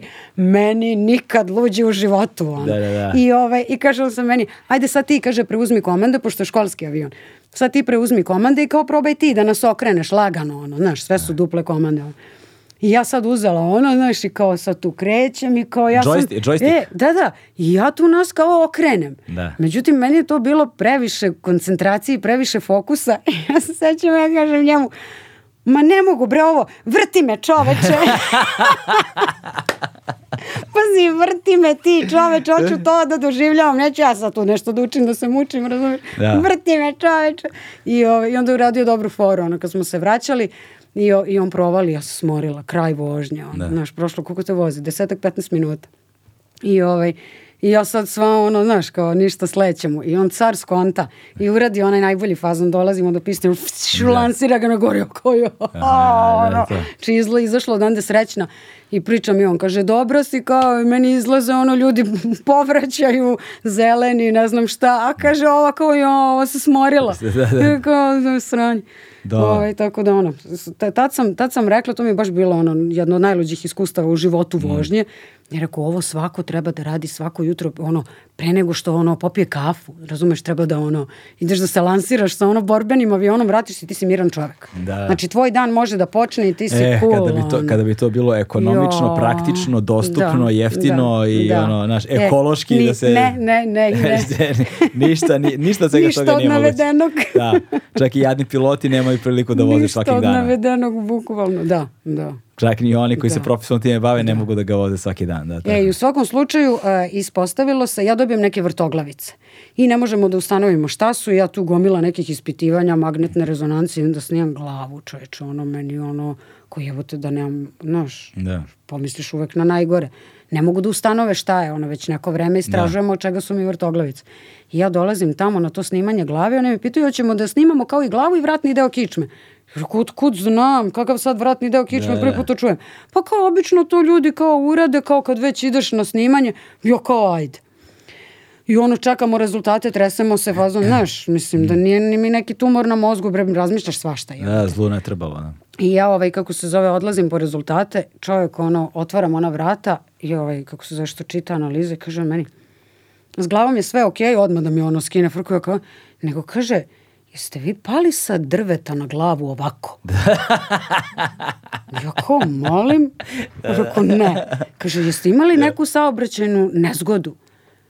Ja rekao, ne, ono nikako nisam imala da bi naš... Kaže, vama je vrat kao kod starice. Da. Ja rekao, šta bre, kakav rad kao kod, kod staric. I sad on tu meni ispriča na što to liči i fazon kao idi kuće lezi, nemoj više ništa da radiš. Ja tu krenula kod par nekih doktora i svi mi govori isto, e, ne smeš više, možeš da voziš bord, ali ne smeš da padneš. Da. Pa kao izvini, ono, znači kako da ne padnem. Ono. Da. E, možeš da e, staze, testiranje automobila, kočenje, nagla, bilo kakve gesile, sve mi je to zabranjeno. Otprilike idi kući lezi i kao to ti je to. I ja tu ne poslušam to i kako se zove, nađem strava devojku koja me trenira, pozdrav za Marijanu, moju spasiteljku, ovaj, Uh, i koja kreće sa mnom da radi, mislim ona je baš ono za, za te stvari, za povrede, znači nije ono klasična varijanta mm. ideš kao fitness trener, nego ona žena baš zna šta radi, ovaj, i eh, mi krenemo, krenemo sa ojačavanjem svih tih mišića tu i ja danas funkcionišem normalno. Ja nisam mogla flašu da podignem, a da se ne ukočim. Ja da. danas dižem 77 kila, ono, kao fazon mrtvo dizanje, znači, da. znaš. I mogu, mogla sam da nastavim da radim posao, znači teretana može baš dosta stvari da reši. Mnogo, mnogo jakih, mnogo ozbiljnih povreda. To ja jeste. nemam više nikakav problem, a kočila sam se svaki drugi dan. Da. I mogu i dalje da vozim po stazi. Sve više ljudi čini mi se, ili mi samo starimo pa dolazimo do tih realizacija, do tih saznanja, ali sve više ljudi čini mi se uh, počinje da shvata značaj ono fizičke ono da. tjelesnog je te ove tako ovaj, kad, kad, za bilo šta u životu čime god da se baviš evo recimo sad dosta programera znam koji su počeli da vežbaju jer ono sedeći, sedeći i radeći naš profesionalno si Šta bolji. Šta ti se desi, čovječ? pa na, bolji fokus, više snage, energije. A, koji kvalitetniji znaš, život. Pa sve, u svakom mogućem da. pogledu. Ali moraš da žrtvuješ jebi ga tih ono 2 3 sata dnevno mm. da odeš, da mm. odradiš, da se istuširaš, da završiš, mm. da se mm. vratiš kući, da pojedeš nešto i onda nastaviš dalje. Znaš. Ali to je sad fora za ljude koji nisu u tome, znaš, da treba da dođu uh, u period da se navuku na to. E, znaš, e. ti si navučen ja na tvoje treninge, da. ja sam navučena na moje svako ko duže vežba, ali treba da probiješ taj prvi A. onaj prvi period i ti postaneš navučan. Ja sad kad se probudim, ako ne osjećam da mi neki mišići nisu pod mini upalom, ja se smorim. Da, da, da. da, da. da. Znaš, i kao ja, kao paučina sam. Ne, nešto nisi radila. Onako kad ustanem, da, da, da. I kao, nije sad to strašno upalo mišića, da, da. to da. su normalno, ali ono, osetim. Da. I kao ja, nekako se budim, ono. Nešto nisi radila kako da, treba, ne, da. ako, te nešto, ako te ništa ne boli. Da, da, da, znaš, pa to. Ono, ne može strašno. baš ništa da te ne boli. Tako da, e sada, ti si, e. a, ti si u autobildu zapravo ovaj, došla do pozicije glavne odgovorne urednice, ali tako? E, jesam. Da. Znači, to je za mene bilo nešto ono, toliko wow da ne mogu da ti opišem. Zašto? Magazin koji si čitala? Znači, tako je. Znači, nešto ono što sam ja kao čitala, pa sam tu počela da radim, pa je tu sad išlo godinama, godinama, znači nije bilo lakih stvari, ono, sva što se tu dešavalo i ja dođem do ono situacije da postanem glavna i odgovorna urednica muškog magazina, znaš, kao u Srbiji, čoveče, i to se ispostavi, znači ja sam u komunikaciji s Nemcima, u Nemačkoj je centrala autobilda, ispostavi se da ja nisam samo u Srbiji, nego zapravo jedini ženski glavni odgovorni urednik autobilda na svim Uh, u svim zemljama gde autobild tada izlazio, tipa wow. 35-4 zemalja, nije bilo žene koja je kao glodur, ono. Da, da. I onda je njima to bilo strava. Za, za, za našu publiku Glodur je skraćenica koju koristimo u medijima da. za glavni i odgovorni, odgovorni urednik. urednik da. A ima i zglodur, to je zamenik. Zamenik. A, pa, da, e, u svakom slučaju Nemcima je to bilo ono strava. To je objavljeno po Nemačkoj, ti ne možeš da shvatiš wow. ono fazon u svim dnevnim novinama. Ono kao žena, mislim objavljeno i kod nas, ono ovaj, ne, ne samo u autobildu, da, da, da. da. nego i Blic je pisao i ovi su pisali, oni, e, proširila se vest, jer kao ono prva žena, urednica autobilda. Ono. I, ovaj, e, I to mi je bilo strava. Tad sam imala baš ono super iskustvo što se tiče ono još dodatnih e, učenja oko vožnje i Eh, malo je drugačiji pristup kad si ti ono glavni odgovorni urednik, ideš na te neke događaje gde se ono svašta mm. nešto vozi, radi, ovaj ja sam dugo izbegavala pitanje, eh, najteže pitanje koje su ljudi mogli da mi postave, ono koji ti je omiljeni auto? Vidiš, ja nisam postavio to pitanje jednom. znači, to je stvarno nešto najstrašnije. Ono. Znaš, onda smo u fazonu, ok, kao, čekaj, e, sad kao moramo da radimo, iz koje klase, znaš? Da. Jer kao, o čemu pričamo? E, e, omiljeni SUV, omiljeni karavan, omiljeni hatchback, kao neki hot hatch. On, ne mogu bre da izaberem jedan od svih tih automobila. On. Jer pričamo o young timerima, old timerima, o novim, o električnim. Šti, koliko ja imam omiljenih automobila. On. Znači, da. stvarno volim automobil. Ja nemam nijedan automobil, niti brend koji mrzim. Da. Da, da. E, u tom isto možemo da pričamo posle o, o pravim ljubiteljima automobila i o ljubiteljima automobila koji misle da su ljubitelji automobila. Aha, da, da. Ovaj, E, i odem ja na taj događaj Test the Best. To ti je događaj koji organizuje Autobuild za sve svoje urednike mm. uh, iz svih zemalja i znači došlo je nas 35-oro, znači Autobuild izlazi u 35 zemalja, sve muškarci i ja hit. Mm, da, da, da. I, ovaj, I mi sad tamo vozimo ono neverovatne automobile. Znači po Bridgestonovoj stazi koja ono ima oval, znači staza ovalna za postizanje maksimalne brzine vozila i imaš eh, tehničku stazu gde proveravaš ono kako automobil se vozi po krivinama i još par nekih ono površina eh, prekrivenih vodom, pa ne znam šta ti tu radiš ovo ono. Znači gomila tog nekog iskustva ono ovaj, e čoveče, ja tu ladno najđem na svoj omiljeni automobil posle toliko godina. Za koji mogu da kažem, kad me neko pita koji ti je omiljeni automobil, taj je. Znaš, koji? Porsche GT2 RS. Znači, Porsche GT2 da, RS. Znači, e, ali ti ne, 700 konja ima. Srce jedno, medeno, crveno, brzo. Ono. Znači, to, to stvarno nikad neću zaboraviti. Ono. Evo to sam sni... Znači, Porsche GT, Au. pogledaj životinju. A, da, pogledaj da, da. životinju. Oj. Ovaj. Vidi ga, a ne, da. mora dupe da mu vidiš. Znaš ti šta je ta spoilerčina nazad? Da, da, da. da, da. E, I sad je aktuelan da, da. E, GT3 RS je novi. Ko krilo avionsko. Pogledaj bre, taj spoiler bre, da, da. ono, htela sam kući da ga nosim. bukvalno, mi stoji na zidu. Ovaj, I stvarno ja tu odlepim. Znači, kako se da si se vozila automobil... taj auto? Da, i ovaj, a, pogon, poza, e, sad pazi ovo, koliko je ozbiljan taj događaj i koliko je to strava. Znači, od svih automobila bilo je nekih ono 40 vozila, uglavnom sve ono napucani sportski, ovaj, McLaren 720S, ma, razni neki Lexus i ludila, BMW petica tada aktuelna, ne, ne, to je bilo 2018 ili 19. godine. I u svakom slučaju, ozbiljnost tog događaja a, pokazuje to što je pored svakog automobila, stajao neko iz te kompanije. Znači, pored Meklarena su stajali ljudi iz Meklarena. Znači, dalje konstruktor da. ili ono neko tipa product manager ili tako nešto. Neko ko će da te ono uputi da ti kaže šta i kako oko tog vozila. Kako pre nego što, stvari. Da, pre nego što, ili da ga pitaš šta god da te zanima. I znači, tu su ljudi iz Porsche, iz, iz McLarena, iz BMW-a, iz svih tih brendova i ti sad s njima pričaš ili ne pričaš. Znači, jer nismo mi debili. Mislim, ti da bi bio urednik autobilda, ne, ne može baš svako da bude. Da, da, da. Tako da nama je bilo ono, evo vam ključevi, idite, vozite. Pa sad ti ako hoćeš da staneš da pričaš malo s tim ljudima, ono, I ja sam sad čuvala taj Porsche GT2 RS za kraj, znači jer sam pretpostavila da će da bude najveće ludilo. Ja sam sve ove automobile pre toga probala eh, i McLaren i Porsche ostavljam za kraj.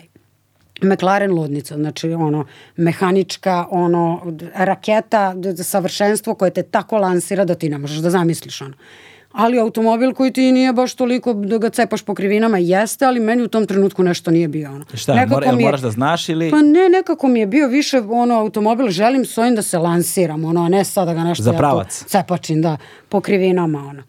I ovaj, ja e, ostavim, kako se zove, GT2 RS za kraj i sad ovako e, prilazim automobilu, sedam u auto, krećem i ovi mi sad stoje tu na, kod rampice iz Porschea ja ovako prilazim njima i ovako ih pogledam i ja rekao, jel treba nešto da znam u vezi ovog automobila pre nego što ga izvezem sada na oval? A lik me pogleda ovako i kaže, it's a beast.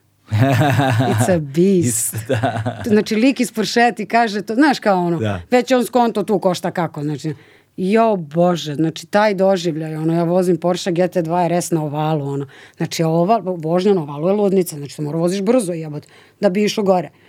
Imaš znak, pre onog ovala, da moraš da smanjiš brzinu na 200. Znaš kako je to dobro?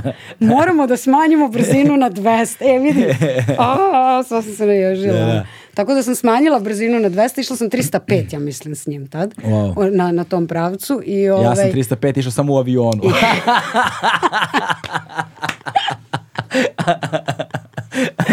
E, e, pa bukvalno. bukvalno. I, ovaj, Nisam nikad e, ali 300. znaš kojim sam još dostigla 300-ku tamo? Sa BMW, 5, BMW M5. Aha. Ali to je potpuno drugačije dostizanje brzine sa ono, Porscheom i sa Bembarom. Znači, s Bembarom sam bila u fazonu možemo i 500. Znaš, da. Ništa, znači to je tako ono subjektivni osjećaj lagano vožnje, za da. vožnju, znači idemo 300, ja sam u fazonu, ok, osetiš ti brzinu tu naravno, ono, Ali nisam sad u fazonu jebote, znaš, kao da se sad tu ono već da frka, nešto da. da je frka, da.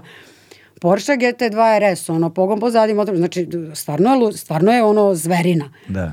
Ti osetiš tih 300, bre. Znači, da, da. ti si u fazonu drža, ne daj, jebote, ono, znaš. Da, da, da, da, Nije laganica, možeš ti jednom rukom, ono. Ovaj, tako da, da. Ne, ne, poma, tog... ne pomaže ti mnogo auto pri ono? Ne, mislim, da, Da, ali moraš da znaš da voziš auto s pogonom pozadi, ono, malo su ono, malo su zeznuti, znaš, hoće to da se otkači ono, malo nešto pogrešno uradiš, ode sve u... Da, da, to je ono što se, to je ovaj, za, zadnja ali ja se vuča, nekako da. spojila, ja sam se spojila s tom mašinom, mi smo bili jedno, ja sam bila Porsche, on je bio Tina i ono, mi smo bili jedno, znači da. to, to je meni bila ta ono, perfekcija koja se tada dogodila, ono. Mm. Kad ti shvatiš da nešto, za šta, evo ti primer, joj bože, znači uh, jednom prilikom neka žena je mene predstavljala nekome uh, i rekla je, ja, otina, nje, nje, ona voli autić. Hmm. Autiće. Alo, znači autić. Znači, meni se digla kosa na glavi, jebote. I sad kao, okej, okay, e, uh, neki ljudi, e, teško je objasniti kad ti voliš automobile, da te neko ko nije iz toga shvati ozbiljno. Znači, da, da, da. li veruješ, ali mislim, stvarno verujem, je tako. Verujem, verujem. Znaš, ja kao, ja, ja volim automobile, Tina voli autiće, za nekog ko se ne razume. Za nekog ko ne shvata da je ono automobil uh, umetničko delo tima genijalaca. Znaš da. ti koji su to mozgovi koji prave automobile? Ne. Da. Od jedan ko je dizajner? Znači ti trebaš ono baš mudonja da bi bio dizajner u bilo kom kod bilo kog proizvođača, a, e, ko, ko je pravio motor? Znači, ono neki glavonja, bre, ko je tu inženjer, ko su konstruktori, ko su ovi što rade ovo, ko su, ko, ko su svi ti ljudi koji su napravili automobil? Čoče, to je tim genijalaca. Ne. Da. Znači, tim stručnjaka, ono, ja se sečem bre na priče s njima, ono, I, kad razgovaram. I, I nisu to napravili preko noći. I, tako da. je, znači, ti što vidiš danas, bre, oni su to radili pre tri godine. Da. Znači, to je za njih gotov projekat, oni sad rade, bre, nešto što ćemo mi videti za tri, četiri godine. Mm. Znači, to su neverovatne stvari šta je sve u jednom automobilu i čemu se sve ti diviš. I kao autići, ti ne voli autiće. Znaš, kao ne, ne volim autiće, volim bre svaki deo toga. Ono, naravno, svi prvo padamo na dizajn. Ono, znači, da li će da ti se svidi, neće da ti se svidi. Ono, to sad je stvarno stvar ukusa. Ovaj, ali u principu da, nisu autići nego bre automobilčine. Da, da, da, da, to. E sada, to hajde kad smo već kod toga, kad si sama do, dodirnula tu temu, ovaj, ljudi koji se razumeju i ne razumeju, mm -hmm. ljudi koji misle da se da, razumeju, da, da, da, znaš to, dakle, e, malo pre si napravila distinkciju između a, nekoga ko je istinski ljubitelj automobila da. i nekoga ko misli da je ljubitelj e, automobila. E da, znaš šta sam shvatila? Da. Znači ti ne možeš sebe da a, izdaješ za, a, da smatraš ljubiteljem automobila ukoliko mrziš neki brend. Da. Kako ti onda možda budeš ljubitelj automobila? Sad recimo, ja mrzim BMW da. ne mogu da ih podnesem, ono, grozni su mi, kvare se, ne kvare se, lupam sad, uzela sam BMW bez veze. Da, da, ono, znači, da, znači, a BMW ovde, ovde baš obožavam. Da, znači, ali nema veze. E, ja mrzim BMW, za mene je Mercedes najbolji. Da. I ja, on je kao ljubitelj automobila. Kakav si ti ljubitelj? Ja volim sve automobile. Mm. Majke mi. Znaš, ono kao neke najružniji na sve. Evo, Fiat Multipla se smatra jednim od najružnijih automobila na svetu. Meni je Fiat Multipla, da, ja, ja smatram da je ružna. Ali ne mogu da je mrzim, jebote. Da. Kako da je mrzim? Čuči, to je auto, jebote. Meni je, meni je, meni je, boga mi, ja, ja sam se u Fiatu Multipla vozio isključivo sa taksistima. Da, da, da. da. I mogu da kažem da mi to jedno od ugodnijih vožnji. Pa to ti kažem, znači svaki automobil ima nešto što valja. Da. Znači nemaš ti automobil koji je apsolutna kanta po svakom pitanju. Ono. Mm. Stvarno, ono, to baš, mislim, ja nemam pojma, evo, ja ne znam za takav. Znači, neke najgori i po ovom, i po ovom, i po onom, ima lepu instrumentablu. Da. Znači, da. nešto će biti što je ono tu okej. Okay. Da. E, i onda te, te, te, te, ti klanovi što si ono, ovaj, i ti isto pominjao, znači, to, to, toga toliko ima. Pa ovi što mrze Volkswagene, pa ovi što vole Volkswagen koji su to bre ljubitelji automobila? Znači, to mogu da budu ljudi koji se, eto, recimo ako su mehaničari, bolje se razumeju od nas, laika za automehaniku, i znaju da se određeni modeli češće kvare, pa da. ih oni smaraju. A ne možda ih mrziš. Ne. Da. Znači ti ih nećeš popravljati ili će te smarati da ih popravljaš. A, zašto se kod nas ceni Volkswagen? Zato što je ranije godina stvarno sve bilo tu nešto, lako je bilo da se popravi. Znači bilo šta da ti tu radiš, lako ćeš mu pristupiti. Kod Fijata, aj baš i nije bilo tako, razumeš, nego ti sad tu moraš negde od ne znam odakle da se zavučeš da bi izvuko filter kabina, lupam, ono, znaš. Ali dobro. Ne, i da- onda tu bude da. kao ja mrzim ja mrzim ove, ovi ne valjaju, ovi valjaju. Znači, ako si ljubitelj automobila, ti ćeš znati da ceniš ono kompletan proizvod koji je da. nastao. Da. Ja sam nekako tu ljubav prema, ljubav mislim, eh, pre, on, prema gol, golfovima, i, i eventualno prema Fiatu doživeo više sa aspekta industrije, odnosno tržišta, znaš, mm -hmm. što ti golfovi su se proizvodili u Sarajevu, odnosno bili su u TAS, jel te? Da, da. Ove, ovaj, TAS je bio u BiH, jel te, koji su proizvodili golfiće, pa je tu kao se utemeljio taj, mm -hmm. ukorenio taj ono, odnos prema golfiću, s jedne strane, a s druge strane u Kragujevcu se proizvodio Fiat, znaš. Da. I onda nekako, a, i, i onda je to bilo, znaš, o, za, za, za te pare kao kupiti nova auto, to je najpovoljnije, apsolutno. Mm. Nema, ne, ne mm. postoji drugo mesto, mm. ono, praktično, da, kad je Fiat u pitanju. Da. Kao, za, znači, imaš, za te pare kupiš Fiata i za te pare ne možeš da kupiš ništa mm. drugo. Mm. Znaš, to je mm. jedna stvar. Druga stvar je, šta god da ti rikne delova je na mm. sve strane koliko pa da. hoćeš da. i to ti je jeftino. I to je razumna kupovina. To je razumna kupovina, da. da. Šteta što mi nismo toliko razumni ljudi. da. Naravno, naš, ja sam, naš, moja kupovina je bila apsolutno razumna u trenutku kada sam kupovao svoj, a, a, prvi, svoj prvi novi auto, mm -hmm. jer nisam mogao da priuštim ništa drugo, mm -hmm. znaš. Ovaj, ali, ali kada bih birao, kada bih i mogao da biram mm -hmm. šta ću da kupim, to nažalost ne bi bio Fiat, znaš, da, da. niti da. bi bio Golf. Da, da, da, Mada, ja volim bubu staru. Aha. ja sam se u staru bubu zaljubio ovaj, čitajući Dilana Doga, strip, da, klinac. I znaš, i to su te stvari koje zavoliš kada si dete. Mm -hmm, mm -hmm. Nemaš racionalno objašnjenje, nemaš neki konkretan razlog, ono to, nego prosto to rano dečije sećanje da, se, da, nešto se, tu se, fiksiralo. se, se fiksiralo, mm. zalepilo mhm. i to je to. Mm. I onda sam ja celog života želim da imam kao bubu, ovaj, što je sad apsolutno izvodljivo jer ono, kupiš bubu u voznom stanju za 500 evra, znaš. Mm -hmm. Ali problem je u tome što bih ja da ta buba ima sve savremeno, mm -hmm. ali da izgleda potpuno... I ti onda kupiš Porsche. Ne, ne. ne, ali da izgleda potpuno staro.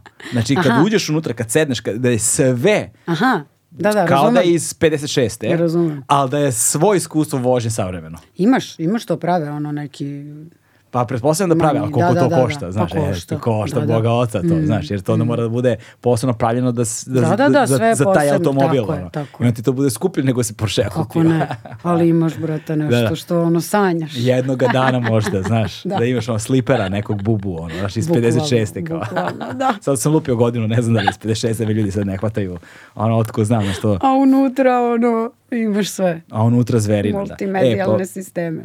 Da, e sad to, to, je, to je jedna stvar koja me zanima u vezi sa, sa tvojim poslom. Dakle, biti automobilski novinar, posebno ranih 2000-ih, je takođe bila jedna nezahvalna kategorija, jer prosto nema automobila.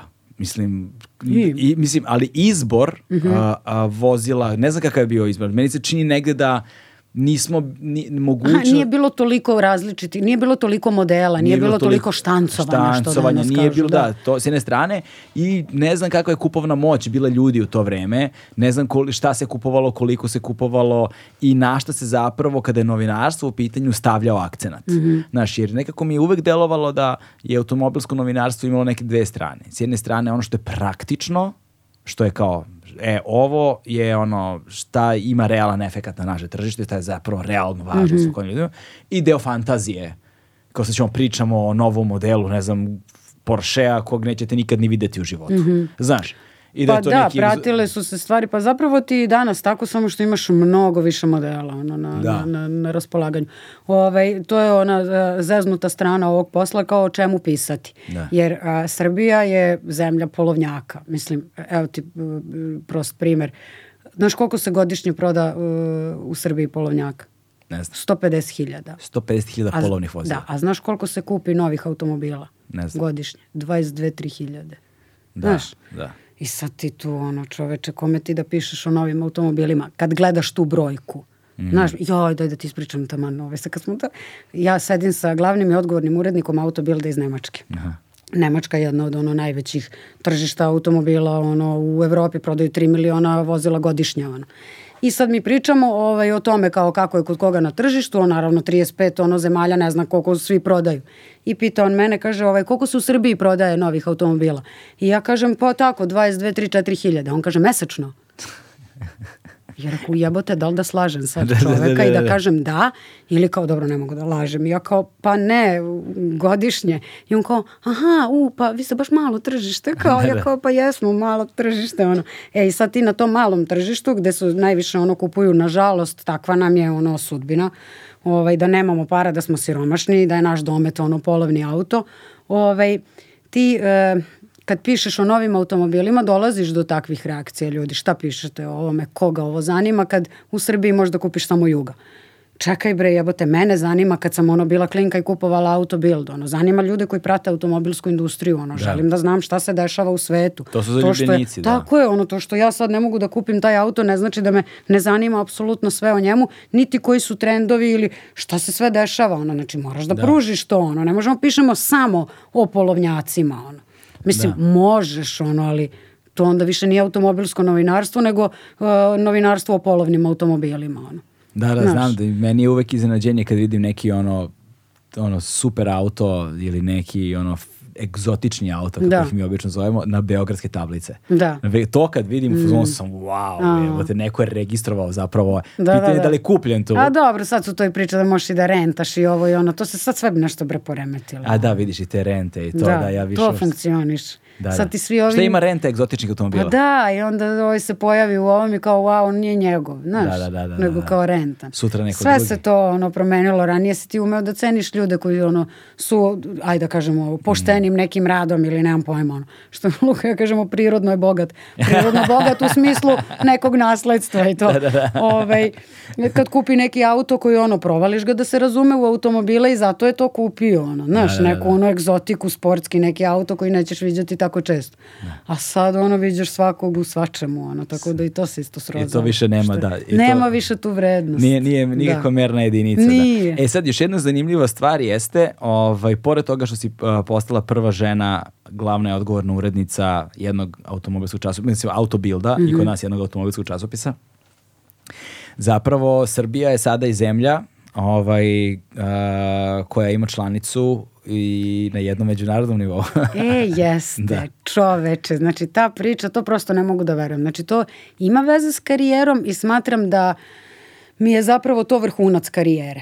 Uh, šta se desilo? Uh, pozvana sam od strane uh, ženskog žirija za izbor svetskog automobila godine da postanem njihov član. E sad, šta je tu fora? Ja za njih znam odavno. Znači, to je ono baš znam odavno, mislim u ovom poslu sam odavno i ovaj, ti kad pišeš sad proglašenje svetske automobil godine, imaš evropske automobil godine, imaš svetske automobil godine i imaš svetske automobil godine od strane uh, ženskog žirija.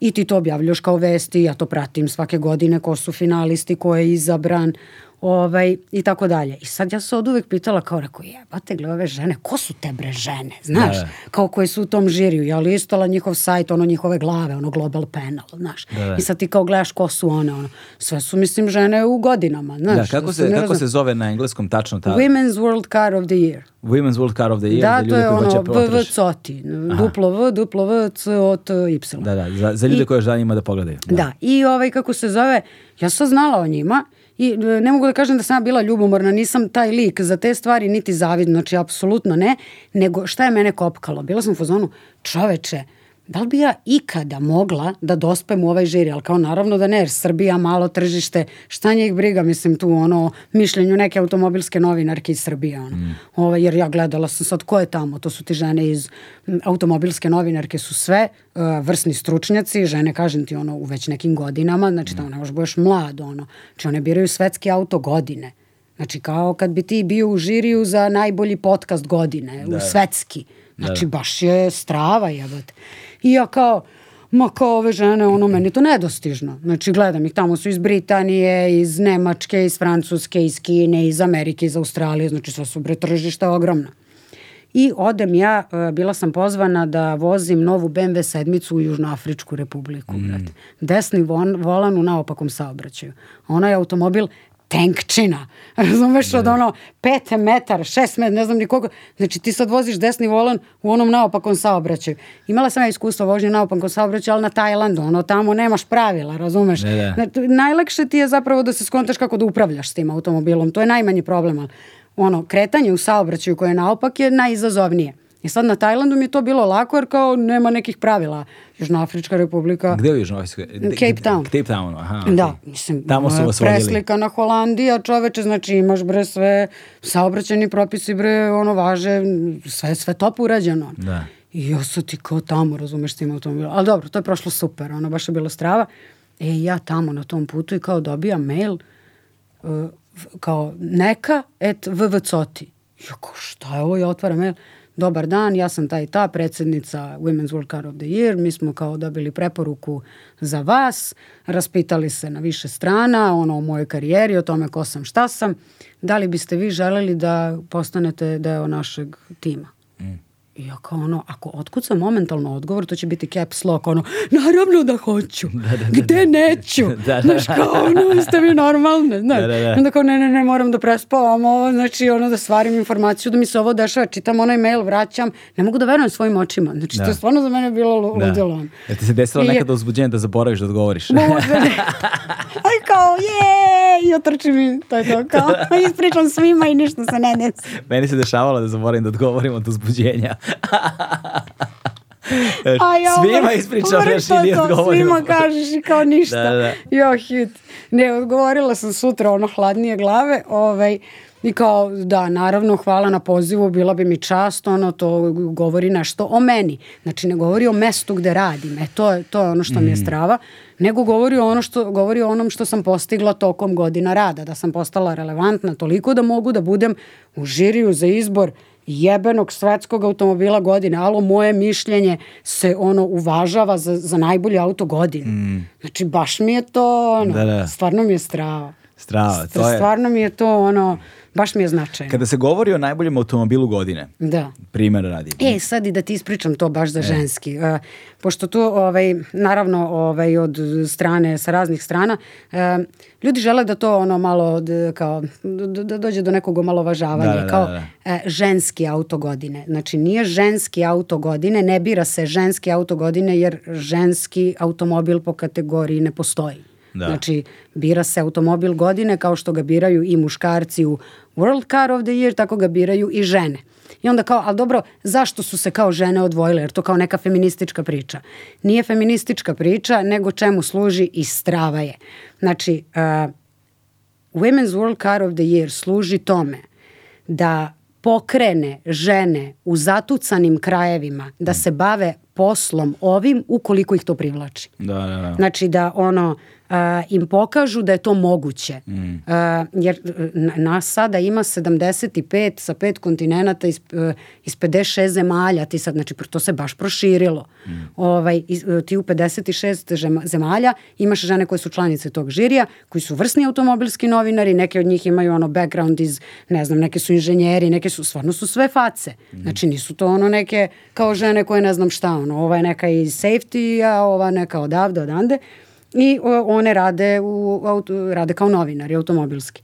Ovaj, tako da zapravo to tome služi, da ono, žene iz nekih malo tako da. zapucanih krajeva shvate da mogu da se bave automobilskim novinarstvom ukoliko ih automobili privlače, ne da kao e to je muški posao. Da. Ove, ovaj, tako da to je jedna od stvari. Druga je, mislim, svakako žene su kupci automobila, žene voze automobile i ako ne veruju muškarcima, možda će poverovati ženama koji je to najbolji automobil za njih, postoje kategorije, e, određene stvari se ocenjuju, ocenjuju se normalne stvari, znači ne ocenjuje se gde ja mogu da spustim tašnu, da, da, da, da. nego se da. ocenjuje kakvi su e, bezbednostni aspekti vlasnik tog vozila, koliko troši, koliko je udoban, kako se vozi, jel dosadan, jel nije, jel ovo, e, jel ono. E, to sam teo da te pitam, znači, da. normalne stvari se ocenjuju kada, kao što se ocenjuju kada ocenjuješ, Kada ocenjuješ uh, najbolji automobil godine. Mm -hmm. Da li to sada na svetskom nivou, da li je to nešto lokalno, nije ni važno. Da, bila sam ja i u srpskom izboru. Da, za e, ali, ali šta su kriterijumi koji ulaze u odluku šta je najbolji automobil godine? I siguran sam da među tim kriterijuma postoje naravno očigledni kriterijumi koje bi mm -hmm. svako od nas na ulici da nas ustaviš deset bismo mogli da navedemo verovatno mm -hmm. naš iz glave, ali siguran sam da postoje kriterijumi koje nisu, koji nisu tako očigledni. Eh, pa znaš kako, uzima se recimo u našem slučaju za, za Srbiju svakako je vrednost, mislim generalno je to i, i globalno, ali kod nas posebno izraženo je ono value for money, znači šta da. ti možeš da dobiješ za tu količinu novca, što više automobila dobiješ za manju količinu novca, to bolje, ono, ukoliko je taj automobil naravno nije neki ono mm. da ne može da skrene. Mislim, dobro, to više danas ne može ni da se desi. Jasno, da. Ove, ovaj, tako da, otprilike to su, ono, gleda se vrednost i šta ti dobijaš za taj novac. E, ekonomičnost, ono danas kao broj jedan, znači koliko troši, što manje troši, to bolje. Električni automobili su ono tu već sve prisutni, više tu ne moramo ni da pričamo o nekoj tranziciji, desila se, da. odnosno baš je zrela, a ako se nije desila, zrela je i kod nas dolazi ovaj, sviđalo se to ono nama, nekima, ono ili ne, svakako su električni automobili nešto što je budućnost. Ovaj, Tako da ovaj, to su, to su ovaj, kako se zove, neki ono od da. glavnih kriterijuma. Znači imaš sve, ti, mislim, to je ono prilično oko, složeno. Da. Udobnost, potrošnja, prostor. Uh, dizajn se ne uzima toliko u obzir iz prostog razloga što svako od nas vidi drugačije. Ono. Da. Uh, sad imaš tu klase, pa kao da li je sad, ne znam, imaš klasu 4x4, imaš uh, veliki porodični auto, imaš mali gradski auto, imaš ovaj, imaš onaj i onda prilagođeno svakoj klasi ti biraš ono, da. neke ono određene feature. I naravno da li je sada uh, koliko je digitalizovan, nije digitalizovan, da li prtljažni prostor, uzima se sve u obzir. Ono. I onda da. se to boduje i ti sad tu imaš neke računice, procente i sad to stiže iz celog sveta i onda se to tako bira. Da, ja sam, ja kad razmišljam sada ono, od, o, neverovatne stvari, kao šta mi je pre deset godina bilo važno da kupim auto mm -hmm. i kao šta, da sam imao para i šta mi je danas važno da mm. da kupim auto. Su da. potpuno različite da, stvari. Da, da, Malo pre sam ti pomenuo recimo prtljažni prostor, mm. ono, znači koliko prtljažnog prostora ima i koliko je taj prtljažni prostor dostupan. Da. Znači jer sam provalio stvari da na primjer kada uh, ako moram sad nešto teško da podignem, pa mora ga prevalim preko Tako neke je. ivice, grupe. E, tebi je onda bitna visina utovarne ivice. Tako je, da, to, e, to se meni često dešava. Znaš, da stvarno ne moram da se cijem oko da, toga. Da, da, da, ne moraš I da recimo, da zabacuješ. Ali znaš šta mi često koristimo automobile? Evo sad smo koristili nekoliko puta mm -hmm. sad mhm. kad budemo išli na put, na sledeće snimanje koristimo. Mi često iz automobila snimamo. Da, da, da. I meni je važno recimo da gepek može da se podigne i da ne i da, pada i da, da ne pada da. i da mogu da sednem mm -hmm. i da mi vise noge i da da sedi snimate komotno i da se veže i da snima. Znam o čemu pričaš jer se tako snimaju i automobili. Znači e. ja tako snimam test automobila tako što me snimaju iz drugog da. automobila. I onda ne mogu vozi. iz bilo kog gepeka to da ne Može. Znaš, mora ne da može. bude onaj ravan onako, znaš, da ima da, kao da. krevet onako da, da, da. ravan da ima i da se otvori to i da ima veliki protiv. To mi je užasno. I mora da se vežeš i to tako sve. Je, da. Više s Forda su imali super to za novinare, ove, imali su posebno vozilo ono prilagođeno tome, imaš sedište nazad za lika koji snima ili vozi. Znači bukvalno automobil je isečen kao zamisli ga kao pick da, up da, da, da. i sad nema ništa od onih uh, ivica okolo, mm -hmm. nego je to otvoreno, ima specijalno sedište koje je ono maltene izliveno. Da, da, da. Ovaj tu i on je vezan sa hiljadu. Dobro, ne treba to, ovo meni e, da. i to je strašno. Meni je samo potrebno ne, ponekad da kad ima ti kažem da. da svakako ono to I vezivanje. I mi često utovarujemo i stovarujemo različitu opremu, da. posebno da. ove, znaš, kamere sa TV lala i ono značiti glupost da. je čoveče, ali ta ivica ti smeta. Tako je. Ono, pa smeta Znam. ti, baš ti smeta. Da, da znaš. da, da, sve to imaš Ove, da ovaj, nađeš bre u podacima svuda, sve se uzima u obzir. Ono, za, važno mi je da ima recimo auto da je ono unutra kod dnevna soba. Da. Znaš, ali kad da. kažem dnevna soba ne mislim samo na prostor, nego na ono sve konvencije i mogućnosti dnevne sobe. Da, da, da, znači baš ono voliš komfora. Da, da, ono, da apsolutno da meni je važno da idem 300. Da, Znaš, da, da. to mene zanima. Da, to me da. nikad nije zanimalo mm -hmm. i mhm. ne zanima me. I ako bi me ikada zanimalo, volao bih da imam odvojen auto samo za to. Da, Znaš, da, kao, da, da, pa dobro, to, to je ali, uvek da, ono, ali... kao koji bi auto volela da imaš, ono, iz svake klase po jedan. Da, Znaš, to. kao, kako koji bi volela. Znači, hoću RS6, uh, hoću uh, hoću Porsche, ono, ne znam koji sada da, ono, ne nabram, da. želim Giulio, ih više to, zapravo. to, je to, je to ova kvadrifolio? A, a, Ima i ova GTA M, znaš, GTA M, da. ova Đulije, ja, šta, šta je to? Aha, šta je to? To, je, to ti je 500 konja, to ti je V6 motor, to ti je ono ludnica jedna da. za vožnju, plus automobil izgleda brutalno, da, znači izgleda. baš, baš brutalno. Ovaj, pa onda hoću, ne znam, Ford Rangera, ono, pa hoću pika, znači hoću bre svake klase, ako Ali mogu ja da sam da se skapir, pitam, a da imam sam, neki auto. A skapirao sam jednu čudnu, neobičnu stvar. Mislim, ne znam koliko je čudna, siguran sam da ljudima kojima to odavno zna, važno nije čudno, ali meni je recimo važno da ima dobru zvučnu izolaciju. Da, pa dobro, ti si baš ono, baš si comfy guy. Da, znaš, baš sam comfy, ono, da, znači, da, da, Nervira me kada se, ja hoću da usedem i zatvorim vrata i da bude tišina da, i da ne da. čujem ništa. Mm. To mi je eventualno kad neko trubi. Znači to. za tebe je jedan Rolls Royce. ne Rolls Royce. Kao ono, imaš ovaj kabinet, e, ali vidiš, imaš ali, prostor, imaš ali zvučnu ne, ali izolaciju. Strane, e, ali znaš šta s druge strane imam? Imaš i kišobranu vrata. Meni, ali meni bi bilo recimo sramota da vozim Rolls, Rolls Royce-a. Ja imam taj moment ne znam, čudno je, možda to da odrastanja negde. Kao mm -hmm. super, ja strašno hoću da me ljudi ne shvate pogrešno zaista poštujem i ono, ja volim da gledam te ono reviewove, jel te kao analize automobila i tako mm. dalje i kad naleti neki, neki super video analize ne znam, tih najskupljih automobila, da. najova automobila, da, da. ja u, uživam u tome, uživam u dizajnu, uživam u in, ono, ingenioznosti inženjera, mhm. dizajnera, uh, ono smart da. dizajna, da, da, da rešenja da, za brojne stvari, inovacije. Yes. Fascinira me, kažem. fascinira me. I onda ti neko kaže voliš autiće. Da, znaš to, fascinira me, ali ali, ali, ne bih, ne, razumeš, i da imam pare ne bih ga kupio. Da, pa dobro. Mislim. Znači ne, ne bih ono prosto, ne znam kako da objasnim, e, ima, ima, nečega, u, ima nečega u tim, recimo ti nemački premium automobili, mm -hmm. znaš ono, ne, ja razumem ljude koji su stvarno strastveni ljubitelji, ono, petrolhedi, kako, mm -hmm. ih, mhm. kako ih zovu, mm -hmm. i mhm. kao, apsolutno, nemam ništa protiv njih. Ali ja ne bih, ja ne znam, ne bih volio da me vide kako vozim ono Mercedesa ili BMW-a nekog novog. Ne znam, Dobro, ima nečeg taj, tip, taj da, brand znači, mi je, prosto ne odgovara. Da, da, da. okej, okay, to je, to je normalna stvar. Pa to je ono što ti kažem, postoje ono ljudi koji su za mm. nemačku automobilsku, odnosno za nemačke proizvođače, da. ovamo za japanske, ono. To. Mislim, to, to je ono oduvek, oduvek, da. kako se zove, aktu, u, uvek će biti aktuelna tema, ono. A. Jer tu je i do dizajna i do svega. E, dosta se toga promenilo i oko a kod dizajna. Nas, ako nas je malo i do reputacije. I, pa i do reputacije, da. Znaš, kod nas je malo do reputacije. Jer, e, ljudi da. ne znaju mnogo o... Mm, mnogo su nam bliži nemački automobili, mm. a nismo toliko e, dovoljno zainteresovani da saznamo i malo o nečem drugom. Znaš, znači imaš baš mali krug ljudi koji ono se zanimaju, da kažeš, o svemu. Ovaj, tako da, e, japanski automobili su top. Znači, e, to sam htio da te pitam, da. Izvini, mislim, Toyota je ono, i najveći proizvođač automobila. Ono. Mm. Mazde su za mene, Mazde su za mene sliperi. A znaš da. zašto? zašto? Znači, a, e, zato što ih voze ljudi koji se više razumeju u automobile od ostalih. Aha. Ali bukvalno to su kupci Mazde koji, evo sad si ti rekao, ne želim da vozim nemačke premium automobile zato što ono, svako ih vozi i više su ti eto. Da. Otrcano ti je ili šta god ti je. Nek ti je i seljački, nek ti je ovo, nek ti je i ono. ono. Meni nije. Da, da. Mislim, ja volim sve. Ono, ne, kažem, znači, hoću ti kažem, e, ne, ja, meni, ja sam ali, fasciniran nemačkim premium automobilima. Da, da. Da, da, da, uopšte ne želim da ne, ne želim da neko shvati ono pogrešno da. to, znači ja apsolutno sam fasciniran, mm -hmm. mislim da, znaš, kad vidim Ali znaš, nije tvoj okrenem se na da ulici, da ti, okrenem se na ulici kad vidim ono neki nenormalni, dobro, ne, da. nenormalnog da. Mercedesa ili mm, BMW, ono mm. sedmicu, ono lađu od da, automobila kad ga da. vidim, fazon sam wow, kakav mm. automobil, čine, verovatno bih se da. sa velikim zadovoljstvom provozao, znači. Ali ne bi ga kupio, bi ga nije kupio, tvoj da, izbor, da, tako nije moj izbor, da, da, ne bih ga kupio, da. Da. To je, to je razumljivo.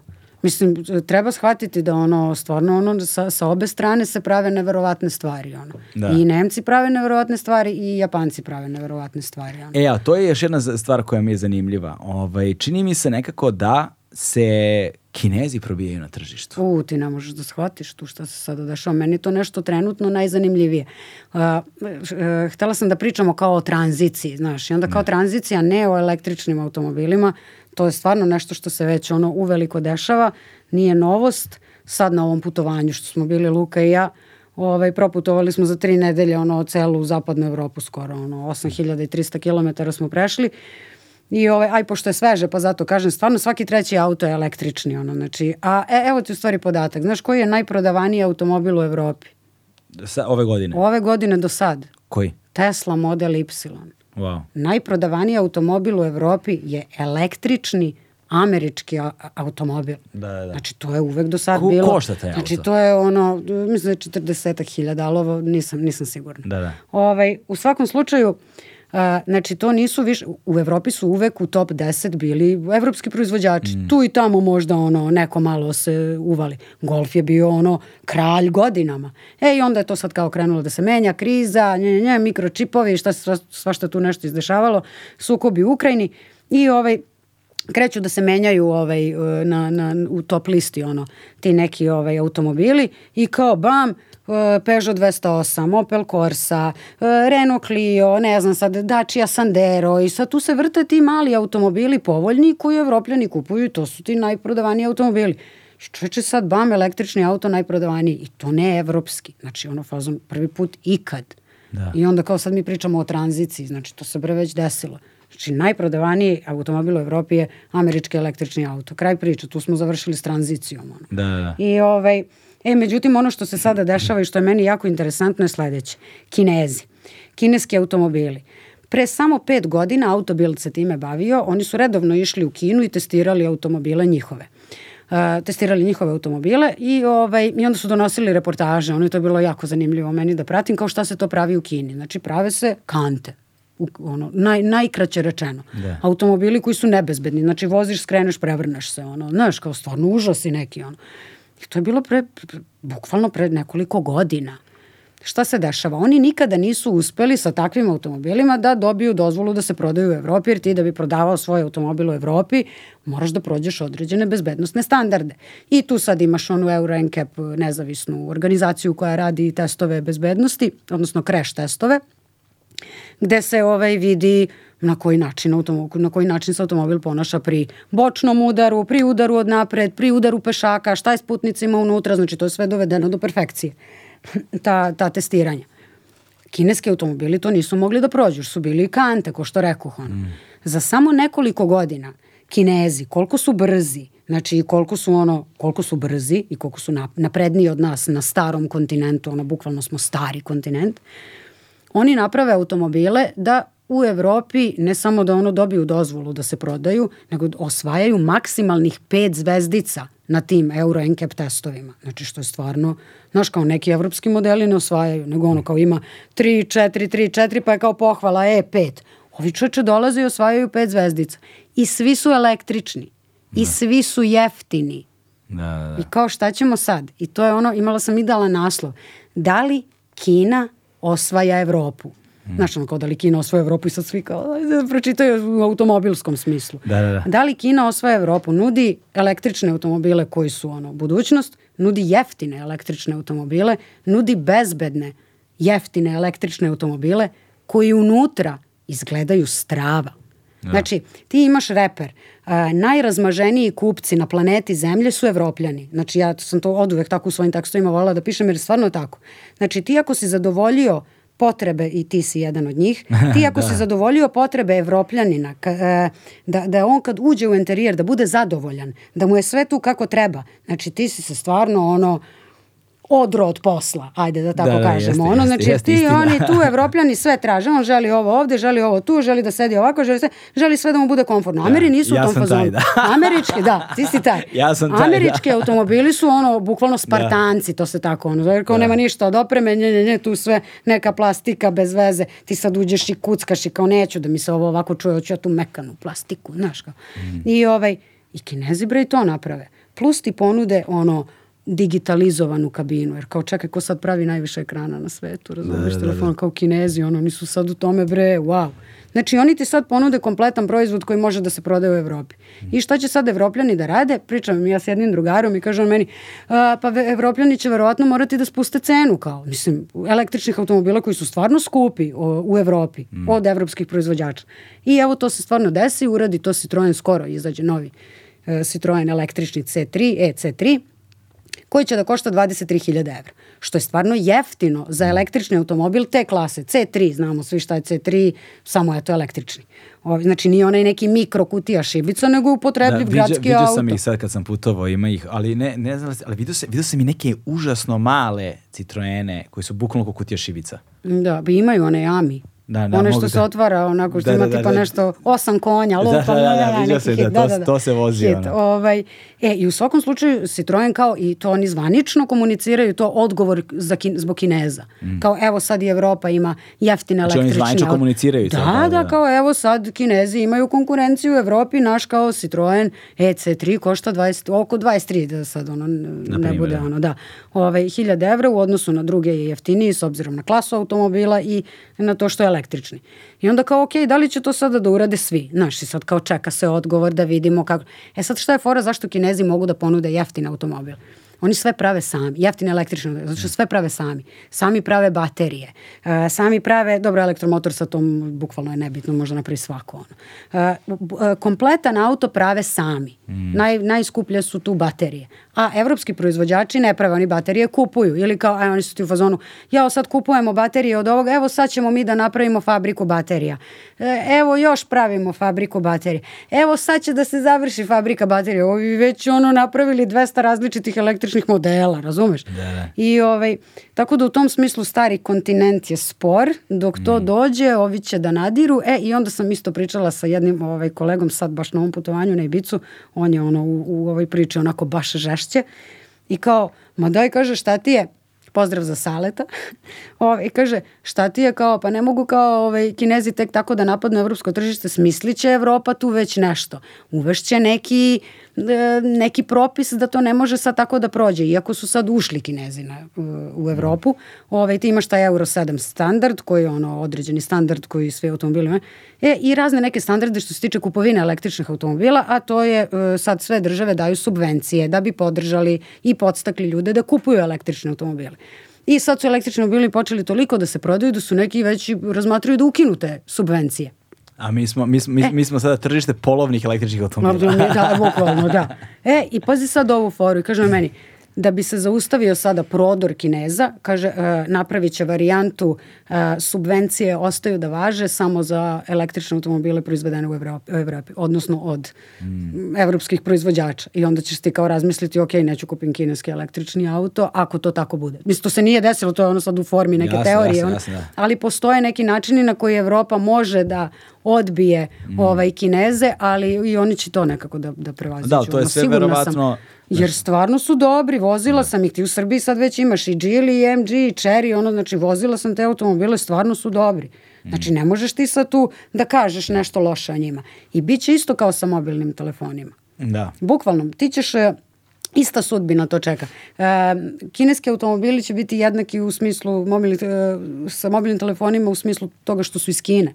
Znaš kao kad su se pojavili u Evropi i kod nas kineski telefoni, svi su da. bili u fazonu koji će nosim kineski telefon šta se sad dešava? Da. Svi furaju kineske telefone. On. Da. Znaš, to je jedna, isto će da. se desiti sa automobilima, videćeš. Da, kad, razmišlja, kad čovjek razmišlja na taj način, sad kao neko ko opet moram, imam dužno da se ogradim, jel te, mm -hmm. kao like potpuni, ali nešto što mi ima smisla, uh, Kina je od uvek bila zemlja koja je proizvodila delove. Mm -hmm. Dakle, uh, oni su bili postrojenje, uh, mesto gde se stvari proizvode i oni su proizvodili delove ono što iz Kine nije izlazilo, nisu izlazili brendovi. Mm -hmm. Dakle, brend je bio bil, je vlasništvo nekog drugog, da li Amerike, da li Evrope, da li neke evropske zemlje, ovo ono, da. brend. Da. Znaš, da li je to brend odeće, da li je to brend da, da, da.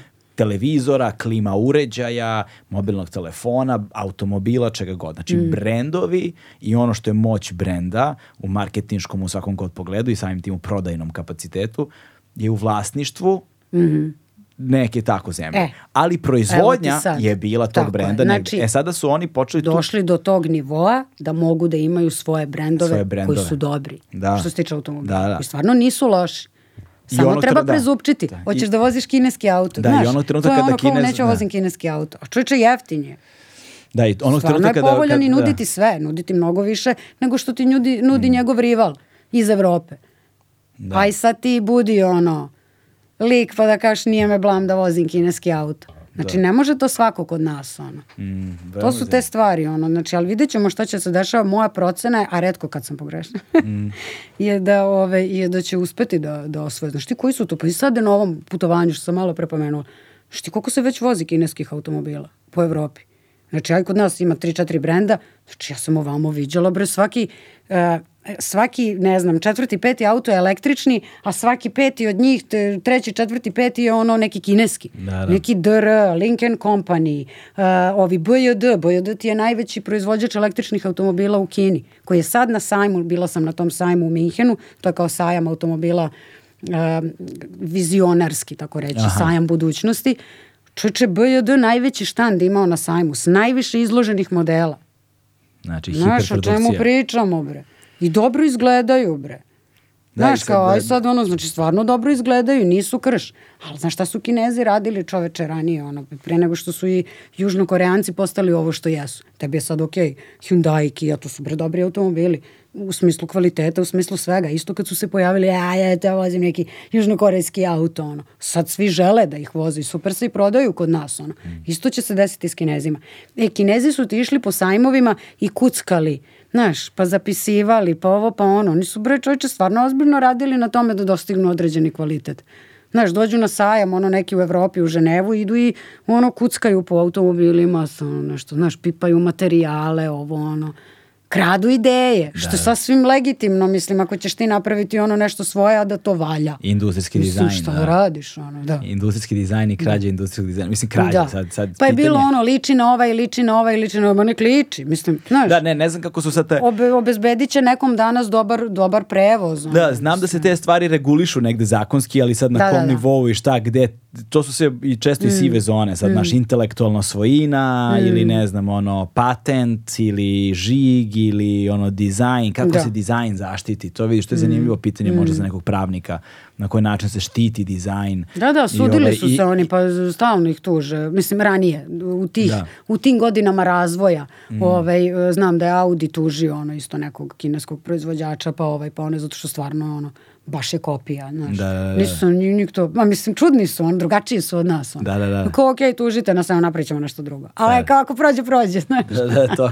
Ili, ili, ili možda imaju matematiku znaš, da im se isplati. Tako je. Pa, znaš, mm ovamo će, jer često se takve stvari dešavaju u drugim oblastima. Mm. I to je vrlo zanimljivo, znaš, i vrlo zanimljivo način kako uzmemo tržište mobilnih telefona, kao što si pomenula, ako uzmemo da. tržište automobila, onda je ono indikativno za jedan širi ekonomski plan mm -hmm. a, i posmatranja na koji način možda kinesko tržište glo, osvaja globalno tržište, ali onda će to biti veoma zanimljiv pokazatelj ili negde simptom ono, nekog budućeg društvenog uređenja. Znaš, ne sad, sad da ovo, ovo zvuči sad ma, ovako malo drastično i radikalno ako se pogrešno shvati. znači kao, Ali ne kažem da, da će sada kineski društveni sistem, ne, nego, nego samo hoću kažem društveno uređenje u smislu globalni svet će izgledati prosto drugačije mm -hmm. sa promenom ekonomskih i tržišnih parametara. Pa da. Jer, će, jer će to biti i financijski na svaki drugi način distribucija moći mm. i nekako će se ono mm. čipovi na stolu preraspore, preraspodeliti drugačije mm. i onda će biti zanimljivo posmatrati kako će svet izgledati za 20 godina od ovog trenutka sada. Pa da, pogotovo zato što su kupci, uh, kupci se menjaju, mm. odnosno ljudi odrastaju. Da. Tebi su današnji kupci automobila sve mlađi i mlađi ljudi. Mislim, oni odrastaju. Mm. A ko su ti ljudi? To su ljudi ono iz digitalnog doba. Ono. Ali nije, e, je zanimljivo i to, ne sećam se sa kime sam vodio taj razgovor, ovaj, ali je bilo vrlo zanimljiva observacija. Rekli su mi, kaže, e, ko mi je to rekao čoveče? Neko mi je to rekao. Da li ljudi, ne znam, neki, nije sad iz Mercedesa, iz Volvoa, nije ni važno. Ne, neko mi je rekao, kaže, znaš da mi, kaže, pra, kad pravimo kampanju, s nekim strancem sam pričao, mm -hmm. nećam se s kime, ne mogu saista da setim, nadam se da hoću rekli, rekao, kaže, naš, da mi, kaže, veliki deo kampanja sad uopšte ne targetiramo ovaj, kupce, mm -hmm. nego njihovu decu.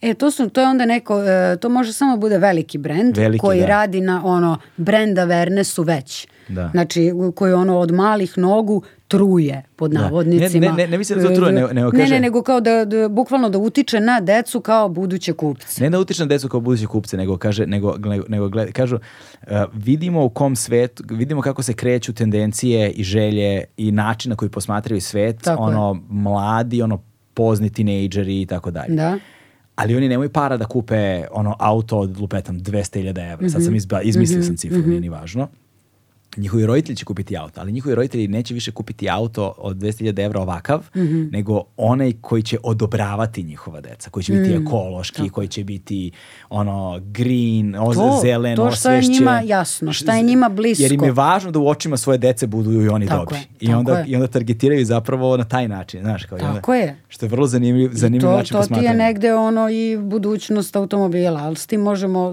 da zaključimo priču kasnije.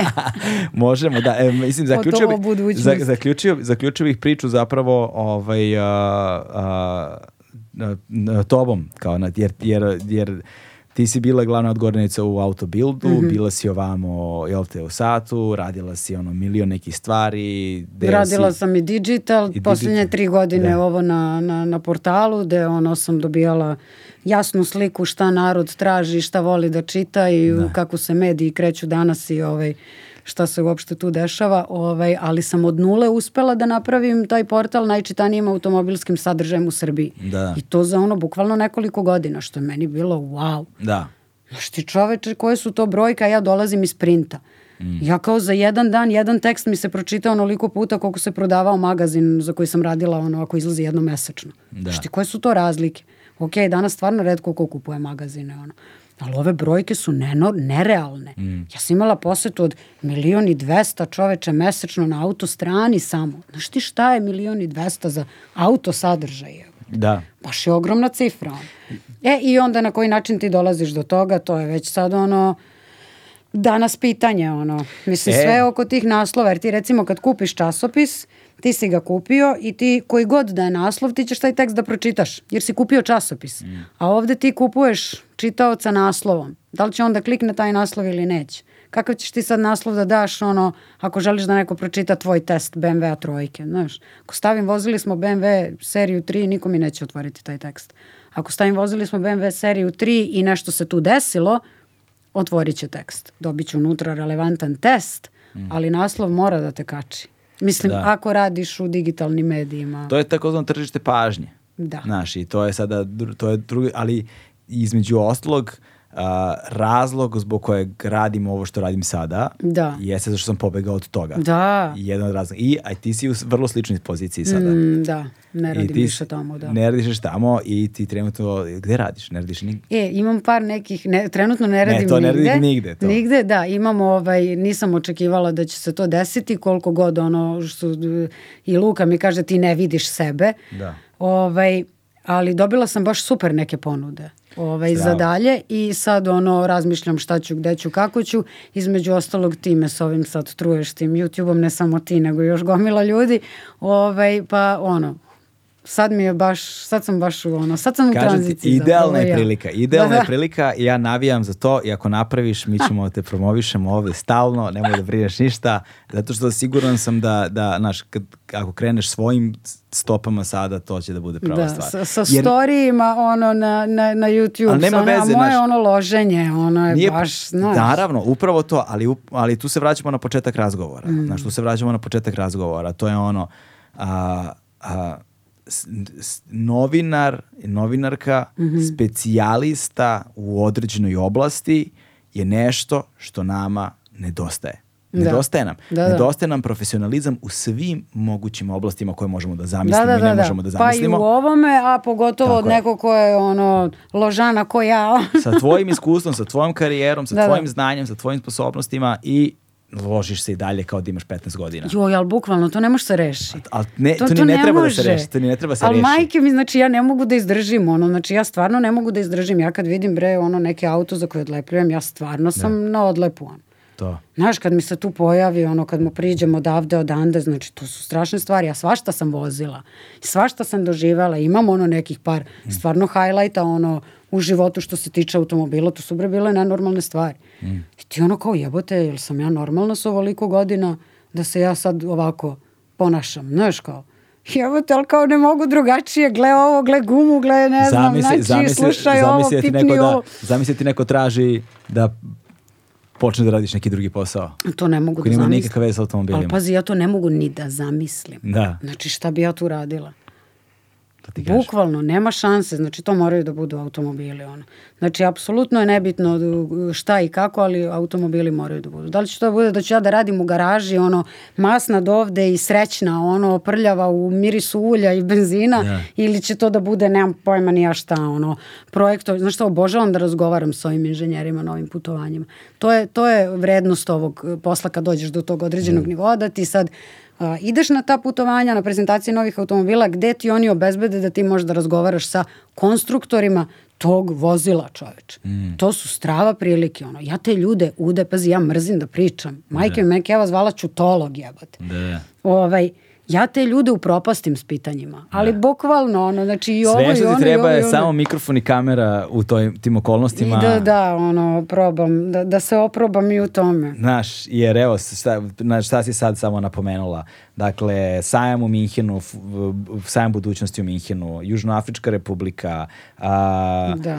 um, evo sad sa Ibice sa novom Hondom, onda... Uh, Toyotom, da, da, Toyotom, da, da, pardon, to, da, da, onda, onda, onda staza na kojoj si vozila GT... 2 RS. 2, GT2 RS, McLarena i ne znam ti nija da. šta. Da. Znači, samo iz ovog jednog razgovora, da ja si na svim tim mestima samo imala jednu kameru, mi bismo sad imali da. sadržaj... Da ono, da. vredan zlata. E, a nosila sam kameru sad. No imam, imam e, materijal ladno. imam e, kao, ovaj, e, ja nešto sam se izazala, kao to ne moraju da budu sad samo novi automobili, ajde to možda bude kao svašta nešto, ali ovaj, uglavnom, e, uglavnom bi bili E, novi. znaš što teo da te pitam, ti se možda sećaš, jer smo ono, generacija Aha. smo negde, ovaj, a, ja imam u glavi sećanje sad ovo će zvučati, ne znam kako će ovo zvučati, jer ja nemam pojma šta je to. Sad ne znam mm. ni da li je stvarno osjećanje. Znaš, to, toliko je nenormalno. Ajde, znaš, e, ali, a, I tu sam pokušavao da nađem online, više puta nisam nalazio ništa, tako da već mm. počinjem da sumnjom da je to stvarno postojalo. Aha. Ove, ovaj, kad sam bio klinac, a, bilo je, da li u okviru jutarnjih programa ili ne znam čega, je bio segment kao saveta kako da popravite spre, ono, spremite se za zimu, spremite Dobro. se za putovanje, ovo ono, kao na svom automobilu i uvek je bio neki Jugić ili zastava, naravno. To majsto Rile, brate. Ne znam da kako se zvalo, I, ali, ali pošto je bilo, su bile sankcije i pošto Aha. je bilo izolacije, pošto nije bilo ničega, nije, da. nije bilo ni para sirotinja, nije bilo ni delo. Je bilo najlon čarape? Pa bilo je svega, to je, ali, to, ali, to, to ono, da li najlon čarape? Najlonče, kad vam pukne kajš, stavite da, najlon da, e, čarape. e, a, bilo je, a bilo je naravno i, i jer, sankcije, nema ništa čoveče, ali sećam se da je bilo neobično veliki broj saveta četa koji je sa Coca-Colom bio, znaš. Eto vidiš. Dobro da zalepi, dobro da odmasti, dobro da, da, da skine fleke, sve. dobro za sve. Coca-Cola bila, mislim, neko, to je ta bila kola, da, ili da, crni da, sok. Da, da, crni, crni sok. sok. Znaš, nije bilo ni Coca-Cola tada. hit. ja se sećam da je toga nešto, to nešto bilo, da je dao, neko tako dao mm -hmm. savete, te, znaš, da ovo, i sve je bilo nekim jugićima i zastavama. Jeste, to je da, i, I to je popuno iz današnjeg ugla neviđeno fenom, fenomenalan koncept. Znaš, kao pa kako danas se... recimo o tome možeš samo da sanjaš, jer bilo šta da čačneš u automobilu danas, ono izgubio si garanciju, a i kad ti prođe garancija bilo šta da, mislim, kako ćeš? Da. Potpuno su drugačije konstrukcije. Mislim, motor sus kao takav, motor sa unutrašnjim sagorevanjem da. i ne, ali jeste i on. Ne možeš ti tu mnogo da uradiš sam kao što si tad mogao. Da. Nedostupno da. ti. Ti sad kad otvoriš haubu, ti vidiš kao ono neku plastiku, tu neku, neku ploču, nešto. Ne vidiš ti motor ne, više, da. Znaš, redko gde ti vidiš motor sad, ono. Da. Stvarno redko gde, znači to je baš ono, to je onda neki stari auto. Znači, nije, nije, novi automobili su, to sam baš postavljala nešto ovaj, pre kad sam popravljala punta, uh, Ja kažem, novi automobili jesu bezbedniji, mm. jesu komforniji i možda manje troše i ne znam koliko i, i razne neke ono, dobre stvari su, su doneli, ali čoveče, ja sam sad zbog toga izgubila nešto što najviše volim, a to je da mogu sama da popravim svoj auto. Mm. Znaš, da se isprljam, da se ono, usmrdim od onog ulja i od svega i nemam tu slatkoću toga da ja, što ti kažeš, ono da se dobro osjećam jer sam nešto ja popravila na svom automobilu. To sigurno neću raditi na novom automobilu, da. znaš. Ne, jer nedostupno je. Da, da, da, A da, da, da. sad idem ono i da smaram neke ono da me puštaju da im visim nad glavom u servisu dok oni ne znam šta tamo kače ga na kompjuter. Tako je. Znači to mi nešto i nije. Ne vozi me priča da-, da gledam na kompu to, razumeš? Ono druga priča me vozi on. E, ali ovaj, dobro, to se sada dešava generalno, ono, u, menja se pogon, menja se sve, ono. Ovaj, znaš da su ono sada, da, da je priča da se motori na benzin i dizel do 2035. kao više neće postojati. Na crnoj listi su, bit će samo električni avioni. Ove, ovaj, dizelaši su na stubu srama već IHH i kao zato što zagađuju, dizel gorivo je ne znam kakvo. I ovaj, o dan, znaš šta je downsizing?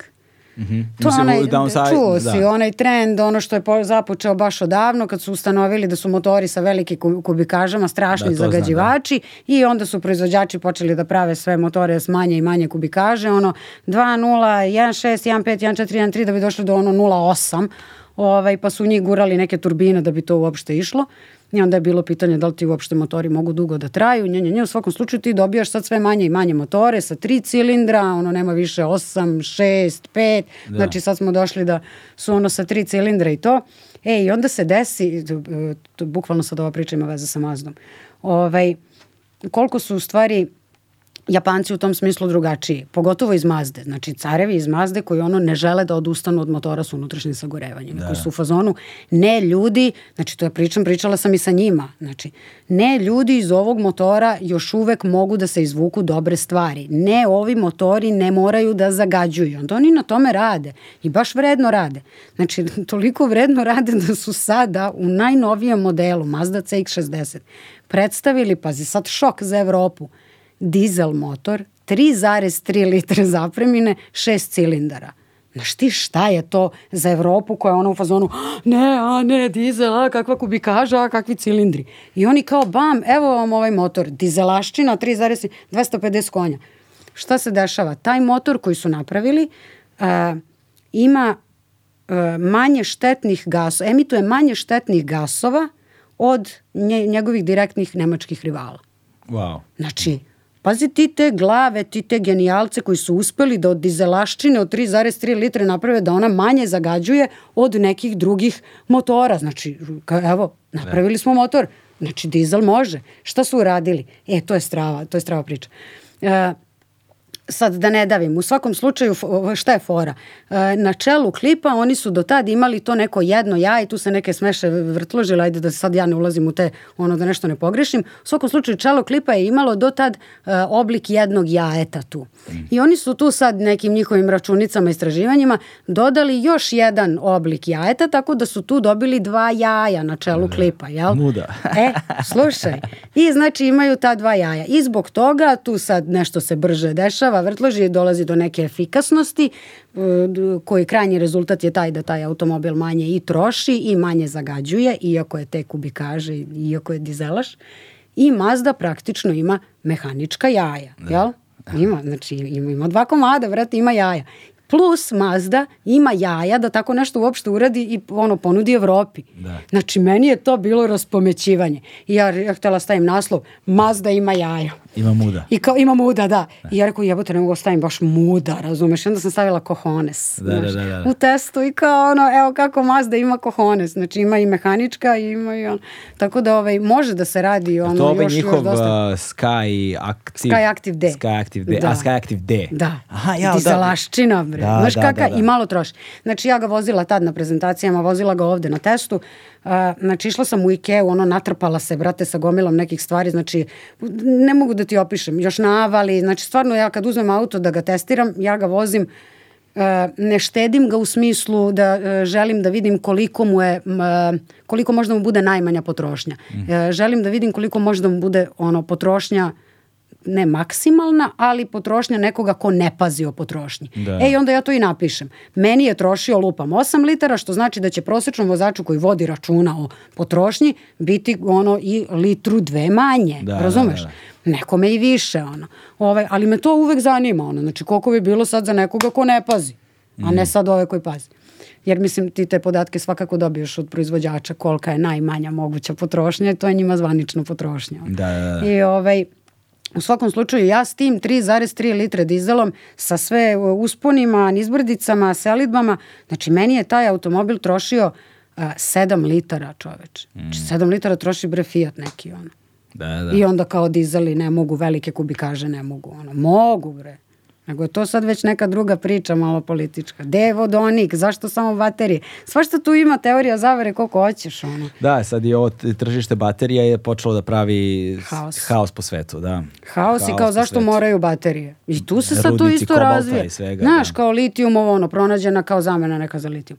Pa sad kao baterije menjaju. Pa sad neće više biti ovakve nego će biti onakve. Znači to sve se razvija, sve ono Ali definitivno baterije su ono problem, problem za kasnije. I vidiš, Dećeš. sve je to sadržaj koji da. nama treba Dobro, na da. YouTube. Kao ovo, ovo, ovo je prvi put da pričam ovoliko, brate. Nema veze, ej, znači ja se navikavaš. Mislim da je... Ovo je da, prvi put da pričam ovoliko, da je, mislim, stvarno. Mislim da je to sjajna stvar. Da, znaš. vidiš, to nije loša tema za uopšte ono kao obrat. Sve i svašta, znaš, tu su, tu su putovanja, tu su različite iskustva, tu je tehničko, i ono, tehnološko znanje, da. tu da. je... Mogla bi da radi malo istorija. Tu malo je. mehanike, malo vožnje, malo tržišnih priča, Ej. malo ovo, malo ono. Da, da, definitivno novinari treba da se bave tim stvarima. Treba. U smislu I to je ono što si malo, malo pre si pominjala kako ovaj, ti je žao što ne znam nisi se usavršavala u ne znam za automehaničara ili za nekog inženjera da, za mašin, ali, da, ali, ali, faks, ja razumem da. s jedne strane to ali onda bi te to učinilo specijalistom u jednoj uskoj grani da a ti kao novinarka zapravo da, imaš da, da. mogućnost da znaš, sa svih strana. Da treba od svega da znaš dovoljno da možda govoriš o tome, da. ali ne da budeš previše specijalista za te oblasti jer onda ne bi mogla da budeš novinarka. Tako je, tako je. Jer onda ne bi mogla da uživaš u drugim da, aspektima. Da, ti treba da pružiš ono pipke na što više mesta u toj jednoj sferi umesto da se ono ustrem, ustremiš i kao ono da, da ideš pic jel te mm, probijaš kao igla mm, u jednu mm. tačku jer, jer pa ovako pa će, ovako, jer u suprotnom bismo mi ostali uskraćeni da. za sadržaj, a nema puno ljudi koji zapravo to rade. I ja, da. tu, to je jedna stvar koju sam shvatio kod novinara koji su specijalizovani za određene oblasti. Mm -hmm. a, to su ljudi koji su ono, znaš, na primjer, ako se ljudi bave diplomatijom, ako se ljudi bave nekim, znaš, oni su zapravo na korak ispod ono vrhunskih da diplomata. Mm. Odnosno, to je to. jedina pa, stvar koja razlikuje bliz... njih i diplomata je. je. zapravo što nisu u tom prstenu i nemaju sve informacije. Da, da, da, A da, da. imaju, verovatno bi bili da, jači da, od da, njih. Da, pa jeste. Znaš, to je ljudi, jeste. koji, ljudi koji mogu sa ozbiljnim autoritetom i težinom da govore mm. o stvarima i da time što rade utiču na javno mnjenje. Mm. To je to je novinar jebote. To je yes. oz, to je ozbiljna figura, ne ovo što se danas dešava. Znaš, yes. i takvi ljudi nam nedostaju u javnom prostoru za sve moguće oblasti. Znaš, zato je, zato je bolje što nisi otišla vamo, nego treba samo ovo da, drugo da, da, da se desi. Da, da, no, treba samo ovo drugo da se desi. to, to. Da, da, probat ću, kažem ti, sad sam kačila sam te kamere, nešto sam radila, ono, pa ću da vidim kako to izgleda kad izmontiram sve, ali ovaj, u pravu si da ovo uopšte ne mora da bude samo priča, ono, direktno o vožnjama, ovo može da bude zapravo apsolutno da. sve što se tiče automobilizma. Sveta da. automobilizma da. uopšte, da. znaš, ti si taj lik. Znaš, kao i reli i sve, joj bože, u stvari kako si je nastala... Si nekad reli, Slušaj je. ovo, kako je nastala cela ova priča i imamo ono stravbrin. Uh, znači, nakon tog nekog, kad mi je utihnula želja, pa faks, pa ovo, pa ono, ovaj, krećemo mi da igramo ovu video igru Colin McRae Rally dvojka, Aha. o bože, o bože kakvo trovanje, kakva navlaka. Znači samo smo to radili, ono po celu noć, ono samo to vozimo, pojavi se underground, uh, e, ovaj bre, Need for Speed uh, dvojka, I ja tu odlepim. Znači tu je već krenulo ono klasično uh, e, pretarano loženje na automobile i ja želim samo to i mene ništa u životu drugo ne zanima i ne znam šta i faks, ok, završila sam faks, ne, automobile, automobile. automobile I ja dođem sad tu pre nekoliko godina do određene neke pozicije i kaže meni Luka, je pote šta uradi onaj Need for Speed od tebe, kaže gledaj kao šta si postala danas, kao znaš, ako je to bilo kao ono, da te kao podstaklo da kreneš. Ovaj, e, a ja se ložim na reli opasno. Ono. Znači, ljudi uglavnom koji vole automobile prate formulu i sve to, ja to poštujem. Ono. Znači, ja isto gotivim formulu, ali... uh, formula je za mene previše čista. Mm. Znači, ja volim štrokave stvari. ja volim reli. Meni je reli Dakar ono vrhunac relija. Najteža off-road trka na svetu ti je reli Dakar. Mm plus, ti, plus je ono pustinja, ja sam, već sam ti rekla ono, znači da. ima veze ono s Arapima, s pustinjom, nju, nju, nju, imam čak i tetovažu reali Dakar na leđu, da, da. odnosno onog Tuarega. Ovaj, znači meni su te stvari koje su štroka, koje zahtevaju ono vozačko umeće, meni je to nema, nema, to, to. nema iznad, ono formula mi je previše čista, nema tu prljanja i previše nekako isplanirana. A ovo je ti si krenuo i ti nemaš pojma šta će da te dočeka. I ti mora da znaš da zameniš ta, tu gumu koja ti je pukla. I ti mora da znaš, znaš, ono, nemaš kao da odeš u pit. Ne vređam daleko od toga, formulu, strava je sve, ono, brzine koje se tamo dostižu su, ono, nama mhm. nedostižne. Da. Ovaj, ali ovaj, reli i to, i, jo, grupa B, znaš za grupu B? Znači, grupa B Bet je ono zloglasna grupa Bre Izraelija, uh, ukinuta jer je mnogo ljudi poginulo, vozilo se tokom 80. godina i ovaj, iz te grupe, odnosno tokom tih godina, e, to su bili najbolji rally automobili ikada. Ono. Evo ja sad mogu da kažem šta je meni omiljeno. Ono. Znači imao si ono Renault 5 e, Maxi Turbo vozio Žan Ranjoti i njegove veštine za volanom se i danas izučavaju bukvalno ono. Upoznala sam tog čoveka. Znači to mi je bilo i to na iznenađenje. Ono, bukvalno nisam znala da će to da se desi. Bila sam na nekoj Renaultovoj turbo žurci slavilo se 40 godine od turbo motora i on bio tamo da ja nisam znala. Imam i sliku s njim i sve, znači like strava. Ono. I ovaj, E, Audi Quattro S1, ili znaš koji je to auto? Znam, znači da. najbolji reli automobil svih vremena. Pa kad si pomenula pa Peugeot, ono. ovog, i on je, i Peugeot da. je bio, i Ford je bio tada. Znači tadašnji automobili su bili toliko ono lagani da. i toliko Audi, Audi Audi Quattro je beš bio Audi, prvi Quattro, ali Audi, tako? je. Tako Audi je, da. Quattro S1, još ga cepala Michelle Mouton, brate, još pobedila, znači da. ono strava. A ona je baš riba ortak ono bila. I mislim, žena je živa i dalje svašta ono. Ove, ovaj, nego ne vozi. I u svakom slučaju, ovaj, svi tadašnji automobili, ono, reli automobili, meni je to ono vrhunac vožnje i svega, je ono, i muda što smo pričali, znači to je to. Mislim, to je bilo toliko opasno za voziti, toliko su bili lagani i brzi ti automobili, plus i tad imao stvarno zajebane likove za volanom, znači oni su breginuli ginuli ovako. Da, da. I onda je to na kraju ukinuto. A publika tad, Ginula je znači, publika to, s njima. Da. Ginula je publika s njima, čoveče, da, da, ti da. ne vidi, ti čuješ. Jo, evo, ja sam krenuo, pogledaj, ovo ja skrenula se ježim. Znači, ti čuješ zvuk Audi A4 S1 koji dolazi, a ne vidiš ga, a on, onaj njegov zvuk pet cilindara motor. Da, da, da. da. da. Trebalo je popijem nešto za smirenje, brate, da, da, ovde, znači, s pričam. Znači, ti ga čuješ, a ne vidiš ga od mase ljudi. Da. Znači, onda masa ovako kreće da se širi, da se širi, da se širi i automobil prolazi, čoveče. Znači, ti se pomiriš u poslednjem trenutku da taj automobil punim gasom prođe pored tebe. Mm. Znači, čoveče, koji su to ljudi imali sreću da prate taj reli. Da. Sreću da ostanu živi. živi I da prepričavaju. I, da. I da prate taj reli. E, meni, meni su to, to mi je vrhunac. Ono, da, ja kad gledam da kompilacije, ti, ja, ja često volim da gledam kompilacije snimaka ovaj, tih trenutaka nenormalnih u reli vožnjama da. kad ti skapiraš kakav ludak treba da budeš da je bio vozač. Strašno. To je, to je, to je, to je neverovatno. I taj tandem, ovaj da, da, na, da, navigator, što, čita, što mu čita. Koliko treba da mu veruje. A on je tu glavna o, faca. Da. Suvozač. Suvozač. Znači, I suvozač ti je mozak njihova, operacije jebate. Pritom njihova smirenost dok se sve to dešava. Da. I ono kad krene i prevrtanje i sve. Kao si, okej, okay, okej okay, sam kao. Brate, ono, srušili drvo, slomili auto, kao sve. Ono. Mislim, da. generalno ti kad, eh, sad u tome sam, eh, kad si na stazi često sa automobilima i kad im se on ono kad voziš brzo i pogotovo za neka snimanja kad se ide jako blizu e, drugom automobilu, ti stvoriš taj osjećaj sigurnosti, znaš da proceniš stvari. Da. I ovaj Oni isto tako znaju da procene stvari, to ono što je nama kao wow, ovaj nije normalan kojim brzinom je skrenuo. Mislim, to je zapravo normalno i moguće, zato se i dešava. I, ove, i onda mene recimo nervira u saobraćaju kad procenim, znači stvarno vozila sam sa automobilima po stazi na ovo, bukvalno na ovo zbog slike. Jer ti ako voziš normalno, na slici to izgleda ovako. Da. da, da. Znači ti bukvalno mora da se dodiruješ retrovizor u retrovizor da bi, to, da bi fotka izgledala dinamično da su automobili ono, jedan pored drugog. Ovaj, I sad znam stvarno da procenjujem. I ja onda tako kod, kroz saobraćaj kad uzmem, znaš, pa procenim pa se neko prepadne. Da. Joj, pa ljudi kreću da sviraju, pa to je haos. On rekao, joj ljudi, ali dobro, ajde, ne, ne mogu da pričamo, to, to ću da se iznerviram, ono, saobraćaju kod nas, baš je pa kao... Da, to, to je druga tema, ali, ali, ali ti vozači relija, kako, brate, oni vežbaju? Pa to, to, to je njihov posao. Zamisli da, da ti ali, voziš svaki nedeljno, dan, mislim... ceo da, ono, 8 sati dnevno ti treniraš. Da, to, to ali je tvoj ho, šta hoću da kažem, uh, Uh, mislim koliko finansijski košta ovaj vežbanje relija to jer, nije normalno skupo. Jer znaš koliko oni men, šta koliko oni nedeljno delova menjaju ono, znaš koliko se često koliko se često oni slupaju. To nije no pa svaki dan. Pa to ti kažem. Pa, razumeš? Ne, ne, to nije no, mi svaki dan, ono do, često.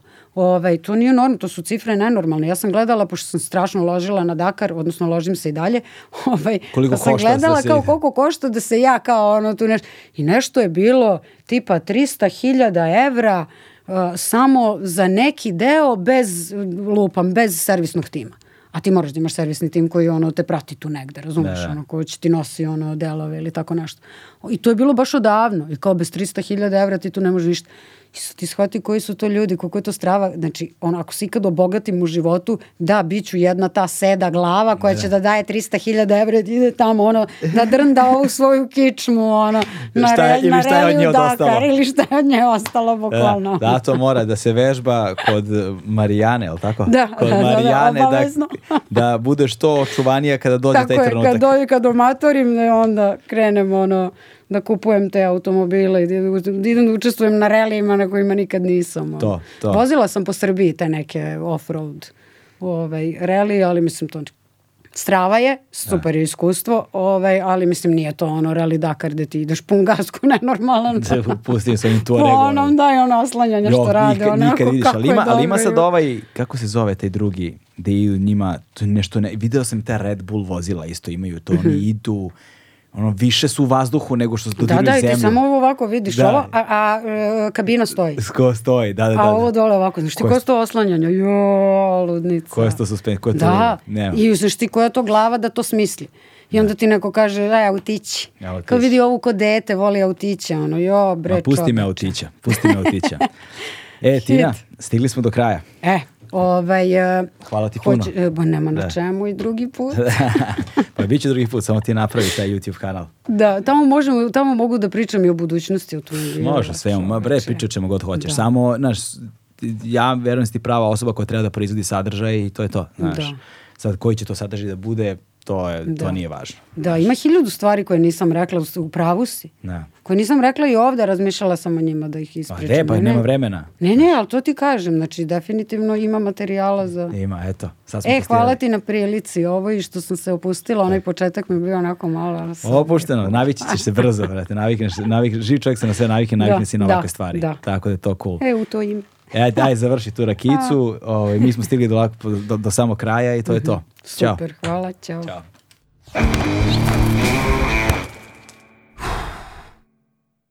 Hmm.